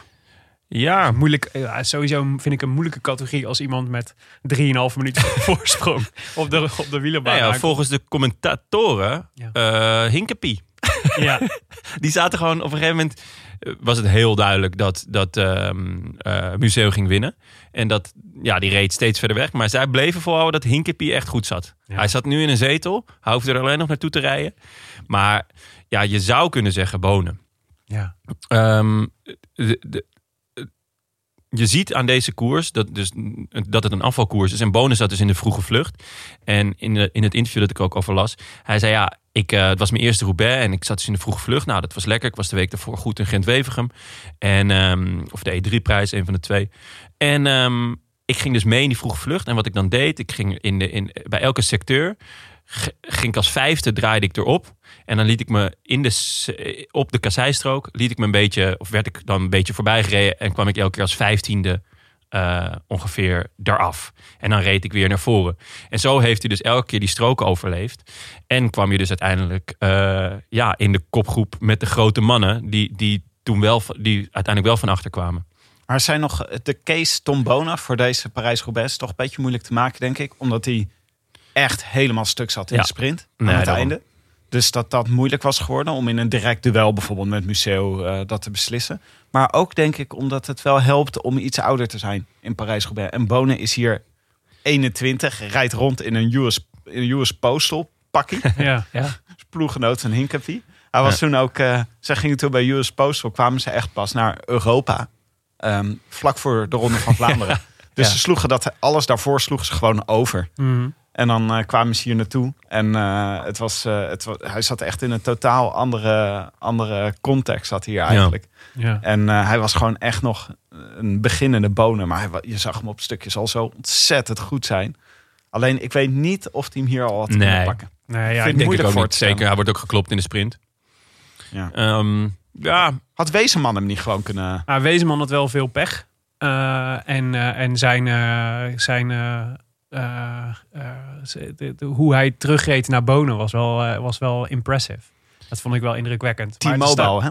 Ja, Wezenman. nou, leuk om, om weer terug te zien, hè? Stefan, Shirtjes. Stefan Wezenman. Ja, nou sowieso. Het shirtje van Mapai vond ik nog, Ja, nog ja. fantastischer om weer terug te zien. Komen we zo op Die had, ik, natuurlijk. die had ik echt gemist.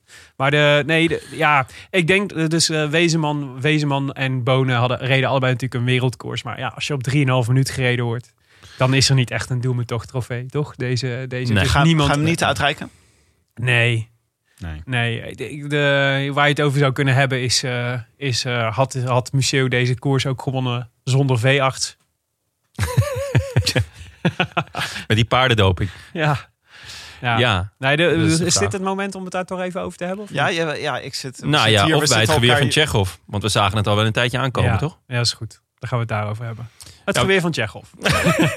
Dus nog heel even voor eh, de mensen die de vorige uitzendingen niet gehoord hebben. Ja. Het geweer van Tsjechov is dat als er een geweer aan de muur, eh, aan een geweer aan de muur wordt opgevoerd in een verhaal, aan het begin van het verhaal, dan is de kans toch wel om en nabij de 100% dat die ergens in het verhaal wordt afgevuurd. Dus wat kan je hier al zien aankomen wat onmiskenbaar later gaat gebeuren met Ja. de kennis van nu?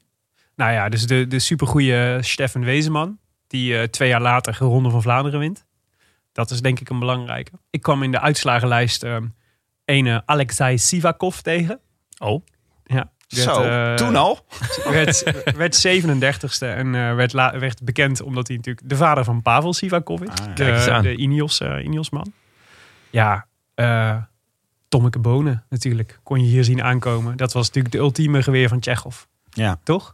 Ja, op, koersgebied zeker. Ja. Dit is ook natuurlijk waarom Sporza deze opnieuw uitzendt. Want dit is voor Belgen is het natuurlijk de eh, overgang van het tijdperk Museo naar het tijdperk Tom Bonen. Ja, het Simba-momentje.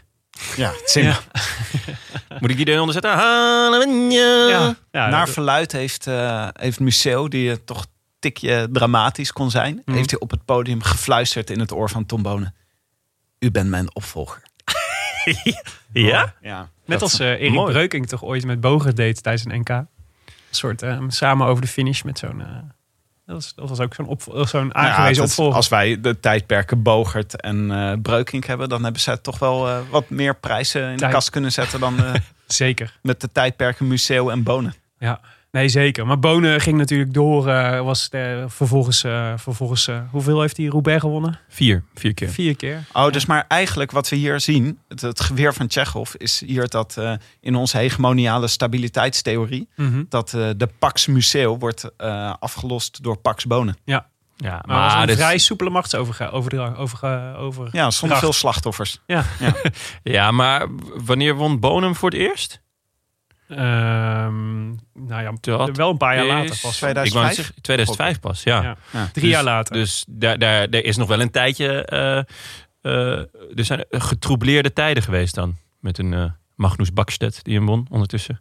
Ja, Bonen was bij, eh, bij ehm, eh, US Postal toen eh, hij was eigenlijk wel op een gegeven moment was hij. Ze hadden niet genoeg renners die mee wilden doen aan de klassiekers, aan de EGAS-koers. Ja. Ze, moesten de, ze, het was, ze hadden moeite om een team bij elkaar te krijgen. het was echt moeite om een team bij elkaar te krijgen en moeite om genoeg ondersteuning te krijgen. En toen later dat jaar, toen werd hij door eh gegroomd door Lefevre, die na dit jaar, want hier, reek- eh, hier waren dus nog Mappai en Domo Farmfried, die later samen Quickstep werden Ja. met Lefevre aan, eh, aan het roer. En daar, dat werd natuurlijk eh Eigenlijk het jaar hierna. Dus dat, is, dat begint dan pas. Ja. Nou, nou ja, het is het geweer van Tsjechov. Ik denk dat we het daarover eens zijn. Bonen. Bonen. Ja, Tom Bonen als, eh, als koning van Roubaix, zeker. Bonen als koning van Roubaix. Ja. Het konijnenpijpje. Wat was de beste quote uit de uitzending? Ja, dat vond ik wel moeilijk, want ze hadden dus niet... eh, wie, Nee. de- wie deed het commentaar op Sportza destijds? Waren dat Ja, Mich- Michel en José? Gewoon? Nee, eh, Michel en, eh en eh Carl van Nieuwkerken. Ah ja. Ja. Maar ja, die maar horen we morgen pas weer terug. Ja, Mhm. want we, eh, ja, we hebben, ik heb dus die Amerikaanse versie gekeken. Ja, En eh, dat was alleen maar George. ja.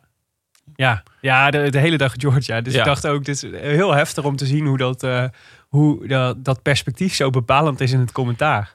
Dus dat is een stuk wat, wat wij wel, of wat mensen wel zeggen over, eh, wij ook wel, over, de, over Michel en José. Dat ze toch enige vooringenomenheid hebben ten opzichte van bepaalde Belgische renners. Ja. En dat die altijd wel centraal staan en zo. Maar zo voelt dat dus als je, als je, als je, als je buitenlander bent en naar, naar dit soort commentaar luistert. Ja. Hier was het wel echt extreem. ja, het ging ook nog wel af en toe over iemand anders.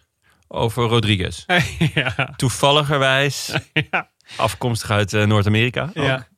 Ja, Rodriguez. En, Echt, eh, hè, maar echt heftig. Gewoon voortdurend. Het is, jij, zei, eh, jij, jij zei al dat op een gegeven moment dat je dat Museo drie minuten vooruit rijdt, Ja. zeg maar. En dat ze nog steeds alleen maar over de kansen van, van Hinkepie hebben. Pas toen Hinkepie eh, vrijwillig besloot eh, drogere orde op te zoeken in een greppel. Ja. Toen zijn ze daarvan afgestapt dat hij wel eens niet zou kunnen. Of dat hij wel eens zou kunnen winnen. Ja. Wat, wat ik eh, een beetje irritant vond in dit commentaar was echt in elke vijf zinnen het over de leeuw van Vlaanderen hebben. En daar elke keer slappere, slappere metaforen voor begonnen te verzinnen. ja. Hij brult nog één keer. En Nee, de dit manen van de leeuw van is gewoon mijn Vlaanderen. inleiding die je nu... Ja.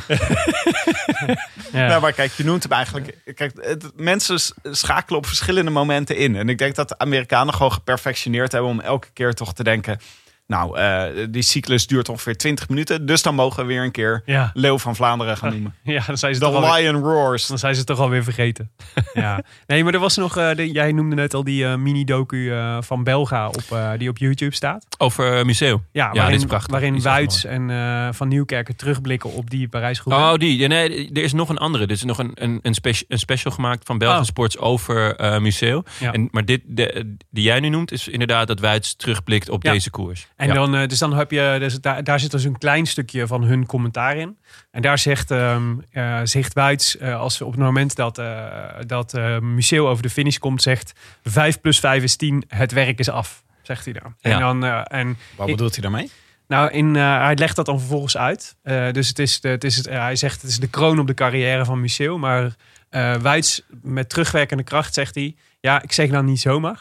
Eh, ik zeg dat ook omdat, eh, omdat je, je weet dat in de nadagen van je carrière... wordt de kans dat je doping gaat pakken steeds groter is. Dus ik hoopte ook echt dat hij na deze eh Parijs-Roubaix zou zeggen...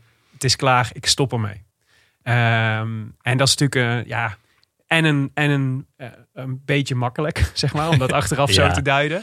Maar ook wel heel pijnlijk, vond ik. Want Ja, het is wel... ehm, Ook een beetje een vorm van kosmische zelfvergroting van Wuits natuurlijk. Ja. Ik ben een groot fan hoor, laat dat voorop staan. Maar Maar, 5 plus 5, dat is wat Museo zelf doet als Ja. hij over de Ja. finish ja, dus hij, doet, hij steekt eh, twee, eh, twee handen in de lucht met elke vijf vingers. En dat symboliseert zeg maar, zijn tien, eh, tien grote overwinningen. Dus deze Parijs-Roubaix is de tiende. Daar was hij de hele tijd al op uit om de, om de tiende te halen. Later pakt hij dus nog de, de, ehm, de, eh, de site, die, die Hamburg Vattenfall. Classic. Vattenfall. Ja, die heette toen nog anders. ja, Maar die, Hamburg, eh, Hamburg. Die, die, die won die ook nog, dus toen werden het er elf. Maar er werd hier eigenlijk, werd hier eigenlijk gezegd van, eh, van dit, zou, dit had het einde van de carrière van Museum moeten zijn. En achteraf, met de, met de wijsheid achteraf van wat er het jaar daarna gebeurde, ehm, is dat, is dat wel, was dat een hele slimme zet geweest als Want- hij dat had gedaan. Wat gebeurde er dan het jaar daarna, Willem? Ja, de veearts. Eh, Landuit, de affaire Landuit kwam uit. En dat was, eh, dat is gek genoeg, heb ik, had ik dat niet zo heel erg onthouden. Dus de, de, eh, de Fuentes eh, is mij meer bij- bijgebleven dan Landuit, zeg maar. Maar Landuit was toch wel een, een heftige affaire.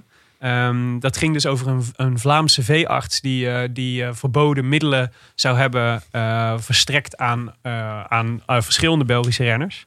Eh, en één Nederlander, Mark Lots. ja.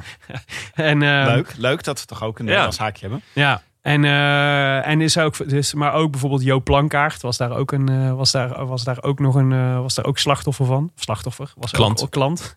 ja. Mhm. Slachtoffer van En, vee. maar Museo was wel de, was wel de, was wel de, meest, de meest prominente. En er werd, werd, zijn, zijn telefoon was getapt. En hij had, geloof ik, in 2003 eh, ongeveer 200 keer gebeld met, eh, met die landuit. Dus dat is zo'n dagelijks contact, zeg maar. Over, eh, dus dat, dat moest aantonen dat het wel een soort structureel programma was.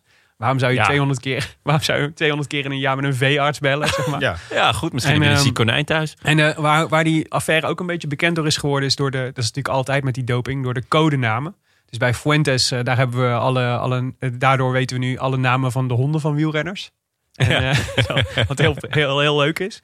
En, eh, maar de Landuit stond toen bekend omdat eh, dat er, de, het middel wat ze gebruikten was, was Aranesp. Dat is een soort hele sterke variant van EPO, maar moeilijk op te sporen.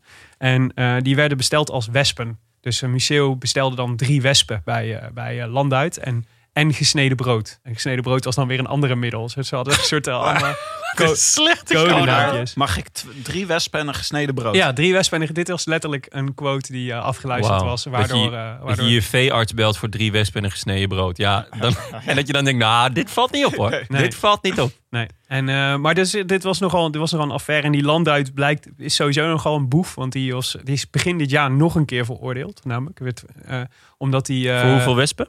Nee, ja, nu had hij eh, twee renpaarden had hij, had hij, eh, met eh, verboden middelen ingespoten. En een van die, van die renpaarden vervolgens geslacht en op de vleesmarkt gebracht. Oh. Echt een, echt een Wow. nare, nare man. Ja. Ja. Maar Museo heeft vervolgens ook bekend, toch? Ja en nee. Ehm, Dat vind ik altijd een fijn antwoord. ja, nou, kijk, dit is het ingewikkelde, vind ik. En dit maakt ook ingewikkeld over hoe je nou deze zegen van hem moet duiden. Want het is, dit speelt in 2003. Ehm, eh, en deze, deze Parijs-Roubaix ging natuurlijk over 2002. En wat Museo heeft bekend, is dat hij op het einde van zijn carrière naar verboden middelen heeft gegrepen. Maar hij heeft nooit gespecificeerd wat die verboden middelen dan zijn. En vanaf wanneer of op welk moment hij daartoe eh, is, eh, is overgegaan. Gewoon de laatste week of zo van zijn carrière. Ja, dus de, de laatste Alleen fase de van mijn laatste carrière. twee kan- dagen van mijn carrière Ja. heb ik doping gebruikt. Ja, gewoon om eens te proberen. Gewoon, eh, ja, ik was gewoon ik dacht, ging toch stoppen. nee, maar, maar ja, dus de laatste fase van mijn carrière kan ook de laatste drie jaar zijn.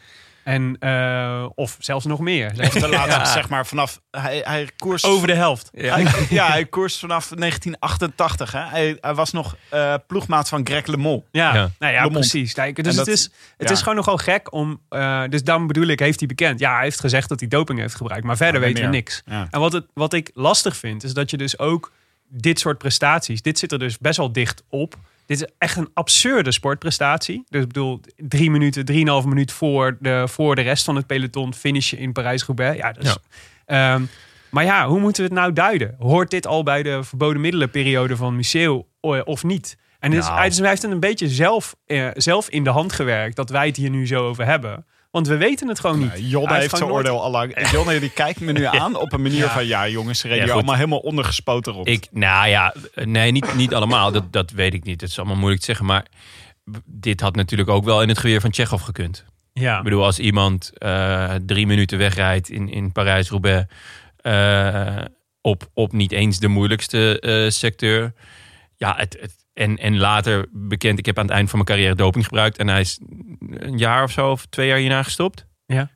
Ja, dan is één en één is toch wel vaak twee, of Ja, niet? ik, nou, ik zou het ook zeggen. De, maar ja, we weten het niet. En Ik ik heb wat ik irritant vind is dus dat je nu dat dat dat dus waarom of je zegt gewoon zeg wat er gebeurd is eh, en wanneer je dingen hebt gedaan die niet mochten, zeg maar. Want, Ja. want nu nu is ah, nu vind ik heel veel van zijn carrière besmet.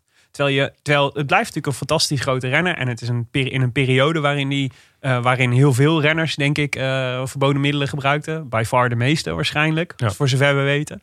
Maar het blijft zo, omdat het zo vaag is, kun je het ook zo moeilijk duiden van hoe, moet, hoe moeten we deze sportprestatie nou zien? Ja, Want en het, blijf natuurlijk en het fantastisch. werkt, werkt natuurlijk ehm, in de hand. De, de hypocrisie eh, van het, van, zeker over deze periode, is, is natuurlijk enorm. Bij, bij Armstrong is alles afgenomen. ja. Omdat hij bekend heeft. En, eh, maar heel, er zijn niet eens, de, de Tour is daardoor niet eens gewonnen door iemand. Die heeft gewoon geen winnaar. Terwijl, omdat er dus zoveel mensen zijn geschrapt. Ja. Ehm, maar ja, zoals nou ja, we hadden het net over Blokkie, dus die, die dan niet is geschrapt, maar die krijgt dan ook de overwinning niet. En Mhm. dat, doordat eh, dit soort dopinggebruik niet echt gespecificeerd is, van ja, ik heb het op het eind van mijn dan eh, weet je dus gewoon inderdaad niet meer wat het waard is. Nee. Het is eh, wat bij mij bleef hangen, want ik was dus een beetje gaan, eh, gaan zoeken van wat heeft hij er nou precies over gezegd. Hij, komt wel, hij is wel echt makkelijk weggekomen hiermee. Dus, eh, dus door, door, door de, niet, weinig echte kritische journalisten die hierop doorgevraagd hebben. Mensen accepteerden gewoon, oh ja, hij, zegt, hij heeft gewoon gezegd, ik heb doping gebruikt. En hij heeft, hè, mensen zeggen nu, hij, heeft- door. hij heeft bekend. Maar het is gewoon heel vaag gebleven al die tijd. En dat vind ik wel, dat is, nou ja, daar heeft hij nu last van, vind ik. Maar daar ben, dat is natuurlijk met een heleboel dingen. Want ook onder Nederlandse wielrenners zijn er een heleboel die Ja, in die tijd heel goed waren en niet hebben willen bekennen. ja, En waarvan anderen wel gezegd hebben, die, die deden ook gewoon doping. ja. Maar ehm, er is één tegenargument nog voor, eh, voor deze, voor deze doping eh, case. Eigenlijk tijdens de Roubaix 2002.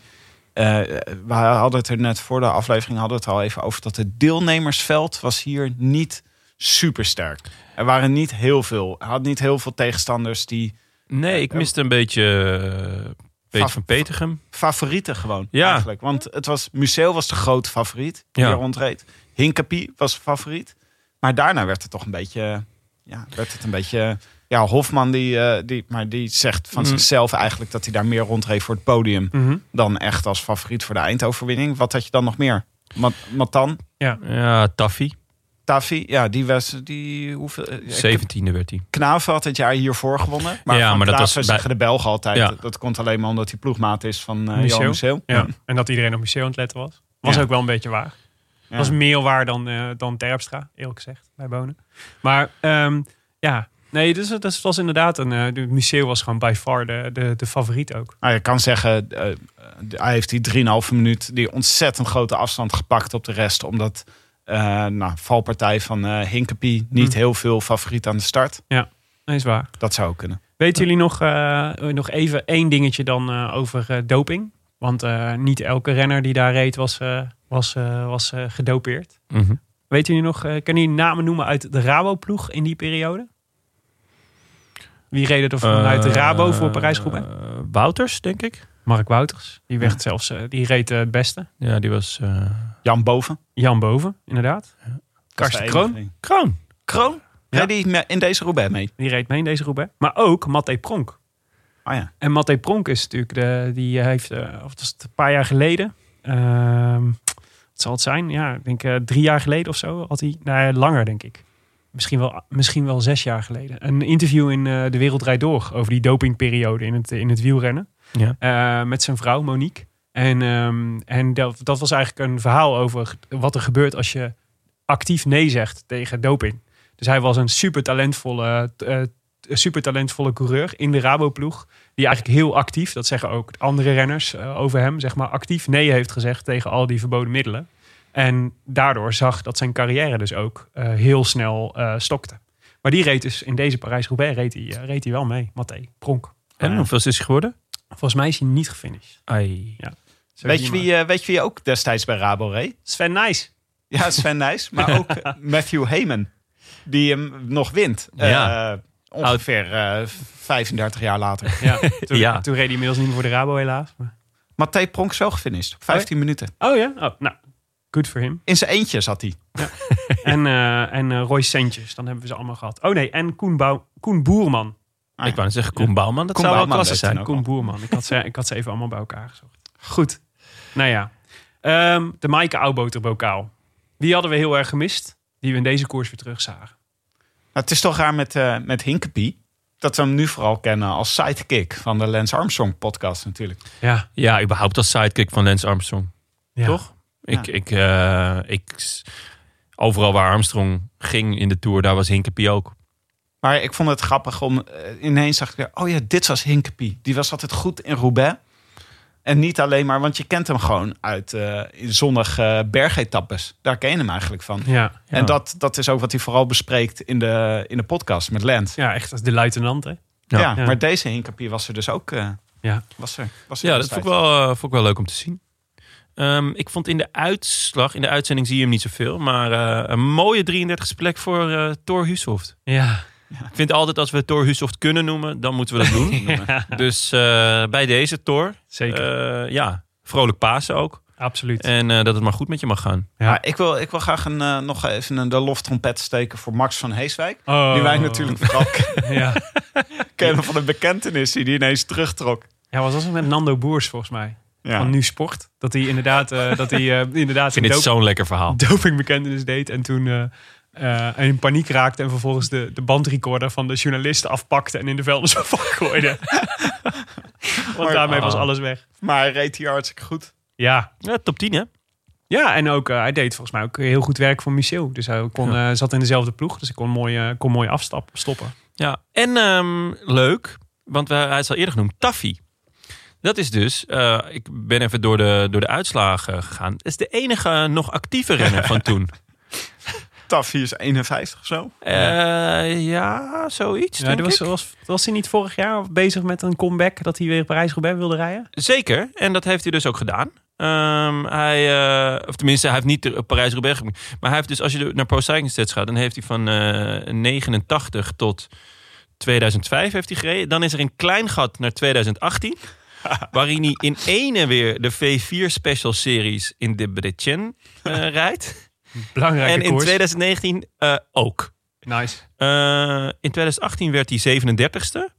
In 2019 werd hij 45ste. Dus geen stijgende lijn. Mhm. Maar still going strong. Nice. Ja, maar wacht even, wacht even. Want, Hij wou Roubaix weer winnen. ja, maar je dat was kan dit doel. wel zeggen nu, dat hij nog de enige is. Maar Ray Rebellin, die rijdt ook nog, toch?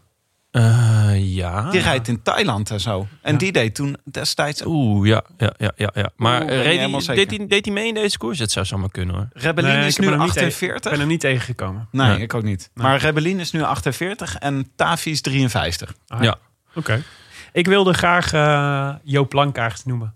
Dat was, eh, ik, ik, ik keek toen al wel wielrennen, namelijk in 2002. En ik was altijd fan van Joop Lankaart. Overigens ook een van de mannen dus van die affaire Landuit, die daar eh, klant was. Maar ehm, wat grappig was, ik zat, eh, zat een paar eh, shots van interviews met Joop Lankaart eh, rond deze tijd, die ik nog even terug had gekeken. En toen viel me in één keer op dat hij deed me enorm denken aan Oliver Naassen. Hij, heeft namelijk, hij had namelijk ook zo'n open, blij, blij gezicht, zeg maar. Je wordt altijd instant vrolijk als je naar hem kijkt. En hij was, het was ook een hele leuke renner. Altijd aanvallend en, en goed en zo. En, dus ik dacht in één keer, ik mis Joop Plankaart.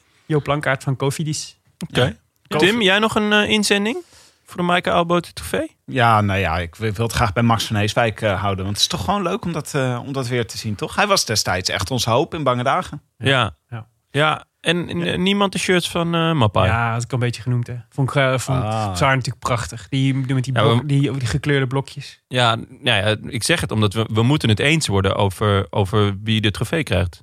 Oh zo, ja, natuurlijk. Mm, Oké. Nou, dan is het misschien leuk om Joop Plankaart te doen. Want dat is er echt zo eentje waarvan je denkt... oh, die was ik echt eh, bijna Vergeten. vergeten. En eh, die is ontzettend leuk. Maar mannen met de Ja? voornaam Jo krijgen van mij altijd een... eh, Ja, Jo vind ik wel, dat, dat, dat, daar pak je punten mee. Maar ik zou toch voor de classic shirts van Mappai gaan. mm. Ah, ja. Die, die Ex-Equo. Ex-Eco. Oké. Ja. Ja. De geschiedenisboekjes. Wat of blijft ons voor altijd bij eh, in deze koers? Van deze koers. Oh, de regen, de modder. Het Ja. zou dit jaar gewoon weer kunnen gebeuren. Ja, Ja. het is nu, wij zitten dit op te nemen en de zon straalt hier eh, naar binnen. Oh Mhm. nee, we zitten, we zitten natuurlijk op een rots in Frankrijk. maar het is hier een prachtig stralende dag en het lijkt nog geen eh, regen aan te komen. Maar eh Nee. mo- voor morgen regen voorspeld, parcours. Ja, ja dat was wel prachtig. Ja, ehm, eh, de, de, de, de machtsoverdracht toch? Van, eh, van Museo naar Bonen. Ja. De, de, ik denk de podiumceremonie, inderdaad, het, dat fluistermoment. Ah, ja, de van, eh, van eh, jij bent mijn opvolger. dat blijft me wel bij. Ja, U En- bent mijn opvolger. je bent mijn opvolger. Ja. En ehm, om, om, om nog iets met de, met de Tsjechov, eh, het geweer van Tsjechov. eh, wat ik, ik heb namelijk net genoemd dat ik nog iets ging zeggen voor Hans de Klerk. Oh. Die viel mij namelijk op in de, in de, in de uitzending. Want hij viel op het moment dat ehm Museo demareerde. Maar hij- zijn naam werd natuurlijk hetzelfde geschreven als... Mario. En, eh, nee, Tim. Ja, en Mario. Ja. Eh, ja. Ehm, En de, dus ik dacht, nou, is dat familie? Dus ik ben Klopt. even, ehm, ik was even op onderzoek gegaan. Mhm. En eh, dat eh, leidde eigenlijk niet echt ergens toe. Behalve dat ik erachter kwam, want hij is dus niet familie. Geen Maar- familie van Tim de Klerk. Nee, maar ik kwam dus wel op de wikipagina van de Rode Lantaarn. En dat is dus schandalig genoeg, worden wij niet genoemd. Maar dus wel een aantal eh, andere winnaars. Want eh, eh, maar hij is, de Klerk is dus Rode Lantaarn winnaar in de Ronde van Frankrijk geweest. Hans de Klerk. Ja, Hans de Klerk. Ja. En daar zaten nog een aantal leuke namen bij. Mhm. Waaronder de man met wie jij gisteren gekoerst hebt. Eh, Wol? Rob Hermeling. Rob Harmeling, Ja. zeker. Ja. En, ehm, ehm, maar nog, meer, nog een eh, vriend van de show, kun je hem noemen? Langeveld. Ja, Ja. zeker. Ja. En ehm, eh, sowieso wel leuk, eh, de laatste paar. eh, dus Langeveld was, was 2019. Eh 2018, Rode Lantaarn. Dus Rode Lantaarn van het eindklassement van de Tour. Ja, nummer dat- laatst. ja, eh, laatst. was nee, dat was eh, eh, die gast met zijn gebroken, die met zijn gebroken armrond reed. Lawson Craddock? Ja, Ja. Goed zo, Tim. klasse Tim. well played, sir. Eh jaartje ervoor. 2007, we doen nog 2017, 2016. 2017 doen Ik dacht, nog. wil je helemaal naar 2002? terug? Nee, nee, nee, nee, nee. Ik heb geen idee. Luc Rowe. Oh. En leuk. 2016, 2016. Sam Bennett. Oh. Dat zijn toch leuke namen? Ja, dit zijn, eh, Dus, het, is eh, best, het is een goede Tsjechovs gun, bedoel je? Gewoon Ja. die de, als je Rode Lantaarn pakt, Ja. dan, eh, dan ga je de geschiedenisboekjes in laten. Ja, en wie is de absolute recordhouder? 2006, 2007, 2008. Kenny van Hummel. Nee, die heeft hem niet uitgereden toen. Ah. Die, die was uiteindelijk was hij volgens mij gevallen en toen out of time. Nee, de, het is een Belg. Wim van Zevenand. Ah, ja. Drie jaar op rij. Daarmee is hij Knap, de hoor. eerste en tot nu toe de enige renner, eh, renner die deze prijs driemaal uit het vuur wist te slepen. Je moet dat toch goed timen, hè? Want je moet dus elke keer als laatste proberen binnen te komen. Veel tijd te pakken, maar je moet Ja. niet buiten de tijd finishen. Nee, en, en het is ook rammend zwaar om in je eentje te rijden. Dus je, je moet wel in een soort van groepje zitten. Maar je moet wel een beetje opletten met wie je dan in een groepje zit. Want je wil niet elke keer met dezelfde in een groepje. Want ja, dan ga je dus samen ten onder. Ik vind het jammer dat ze niet meer het rode shirt hebben voor de nummer laatst. Ja. Dat was vroeger altijd. Dat zou toch leuk zijn? Of gewoon een lantaarntje op je fiets. Hey jongens, volgende week eh, is, eh, is eh, de Amstel Gold Race. Ja. Ja, dan moeten ze toch gewoon... De allermooiste editie was toch gewoon die van vorig jaar. Ja. Met Mathieu van der Poel. ja. Dit is echt... Dat gaat toch, dat, die editie gaan we Ja. nooit meer vergeten. Ik ben het daar helemaal mee eens. Maar dat is natuurlijk wel eentje die we het afgelopen jaar voortdurend hebben gezien. Dus eh, Het zou ik- mij niet slecht uitkomen. Want ik zat toen in, eh, in Rusland. En ik heb hem toen op mijn telefoon gekeken. Ehm, dus je zou hem nog graag een keer goed zien. Ja, ik zou, ik zou er wel voor gaan zitten. Ja, ik, eh, ik pleit voor Armstrong versus Bogert in de eindsprint. Ja. Wanneer was het? 2004? Nee, Nee, eerder eerder, nog. 2000. 99? 99, ja. Ja. Oké, daar, daar ben ik voor. Maar de Belgen zullen er wel weer eentje kiezen waar Gilbert wint. Ja, 2010 of 2011 of 2014 of 2017. ja, zeker. Ja, Mathieu van der Poel is natuurlijk... Misschien moeten we, dus dit dan het moment om te zeggen dat Mathieu van der Poel een halve Belg is. Ja, zeker. Dus dat je die prima kunt... eh, En dat Evenepoel heeft deze wedstrijd ook gezien. Dus daarom, eh, die zat Ja. toen voor de tv. Volgende week bespreken we de Amsterdam Gold Race. Ik ben Ja, benieuwd. Eh, geen voorspelbokaal, want ja, we weten nog niet welke wedstrijd. En als we weten welke wedstrijd, weten we wie hem wint. Maar als je toch van voorspellen houdt, dan kun je toch je lol op. Want aanstaande maandag organiseren onze vrienden van Het is Koers... de eerste digitale Het is Koers wielerquiz. Ehm, maandag, dus tweede paasdag, om half negen... Kun je, je kunt je inschrijven via hetiskoers.nl slash online quiz. En dan kun je eh wielerquizzen. Samen met een heleboel andere Leuk. leuke mensen. Leuk. Dus, eh, en, Ben je eh, erbij? ja, en dan kun je vast, volgens mij kun je een bierpakket van de lekkere winnen. Maar dat weet ik niet zeker. Dus pin me er niet op vast. Goed. U luisterde naar de Roland Taar, gepresenteerd, gepresenteerd door uw favoriete bankzitters Tim de Gier, Willem Dudok en ikzelf, Jonas Riese. Veel dank aan onze sponsoren BBB Cycling, Canyon, hashtag fiets van de show en Scorito. De Roland Taar wordt verder mede mogelijk gemaakt door Dag en Nacht Media en hetskoers.nl, de wielerblog van Nederland en Vlaanderen. Wij danken hen voor de steun op vele fronten en in het bijzonder Bastiaan Gaillard, Maarten Visser, Leon Geuyen en notaris Bas van Eyck, tevens gediplomeerd brandweerman te Maden. Willem, hebben we nog een update? Nou, hebben we nog een update? Hebben we nog een update? Ja, hebben we nog een update? Natuurlijk hebben we nog een update. Nee, ehm, ik neem jullie even mee naar de nacht van eh, maandag op dinsdag. Mooi, mooi. Pak onze hand, Ze- in de Willem. nacht van maandag op dinsdag 7 april werd het eh, brandweerteam team in Maden gealarmeerd. eh, door een, een koolstofmonoxide melder die in alarm was gegaan in de Ganzenhof in Maden. De bewoners vermoeden dat het om een lege batterij zou gaan. Dus die hadden ze al vervangen. Maar dat, de melder bleef eh, in alarm gaan en gaf aan dat hij iets gemeten zou hebben. Dus eh, deden ze besluiten om uit voorzorg de brandweer te, te bellen. Om metingen te verrichten en zeker te zijn van de situatie. Heel verstandig. En dus om kwart voor één s'nachts gingen de pagers van de, van de brandweerlieden. En moesten ze erop uit. En gingen ze met, let op, gepaste spoed, gepaste spoed naar de locatie van het incident. Ik, eh, dat fascineert me mate. Gepaste spoed, wat zou dat zijn? Zeg maar gewoon wel wandelen, maar wel snel. Die, dat waren die snelwandelaars waar eh, Van Schip het over had. ja, precies. Gepaste spoed. Maar eenmaal te plaats hebben ze met de twee manschappen. dat zijn volgens mij gewoon tussen twee mensen. Ja, dat zijn twee mensen, denk ik. Een manschap is denk ik één iemand. Twee manschappen metingen verricht rond de, me- rond de melder en de cv-installatie. Hebben ze niks gemeten. Het was dus veilig. De bewoners waren weer gerust. En zij gingen terug naar bed. Jongen, jongen, wat Ik- verhaal weer. Ja, ik noem dit ook omdat het, het is belangrijk om je koolstofmonoxidemeter te goed, goed te laten functioneren. Dit, is, dit heb jij meerdere keren al tegen mij gezegd. Wat, Ja. dit, is iets, dit gaat je aan het hart. Dit gaat mij aan het hart. Ik wil graag dat onze luisteraars veilig zijn. En dat betekent dat de opdracht voor vandaag is te controleren of de batterijen van je koolmonoxidemeter nog werken. En als je die Maar- nog niet hebt, om er een te gaan kopen. Want je weet het nooit. Voor je het weet staan er twee manschappen op de stoep. Ehm, was dit, want dat zegt het bericht niet, was dit weer dat bejaardentehuis waar die ene Nee, nee, nee. eh, Wel in de buurt. gast de hele tijd aan het bellen is Nee, met fake calls? Nee, in de Ganzenhof. Daar is geen bejaardenhuis. Nee? Nee. Oké. Nee. Wel vet dat jij gewoon onmiddellijk weet of daar in de buurt een bejaardentehuis zit, maar goed. Kom daar vandaan, hè? Ja, nee, dat is goed. Ehm, wil je reageren op deze Roland Taarn? Dat kan via vele wegen. Je kunt het sowieso vinden op Facebook en Twitter. Eh, maar je mag ook mailen naar groetjes@derolandtaarnpodcast.nl. En we vinden het superleuk als je eens een review achter wil laten op iTunes. Eh, omdat we ze zelf leuk vinden, maar ook omdat anderen help, eh, helpt om de show te vinden. Tim, hebben we er nog één? Zeker. We Een hebben- lange, alsjeblieft. We, ja, we hebben een, eh, een schitterende b- epistel hebben we gekregen van See by Fly. Dat is een leuke, leuke naam. Met de titel Keuvelen over fietsen zonder puntje, puntje, puntje. Die heeft een review achtergelaten op 26 februari jongsleden.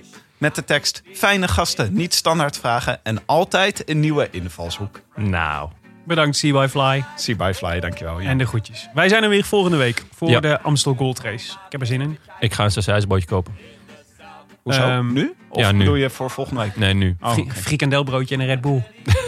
Net als in 2002. Lekker, Jon. Eh, jongens, a biento.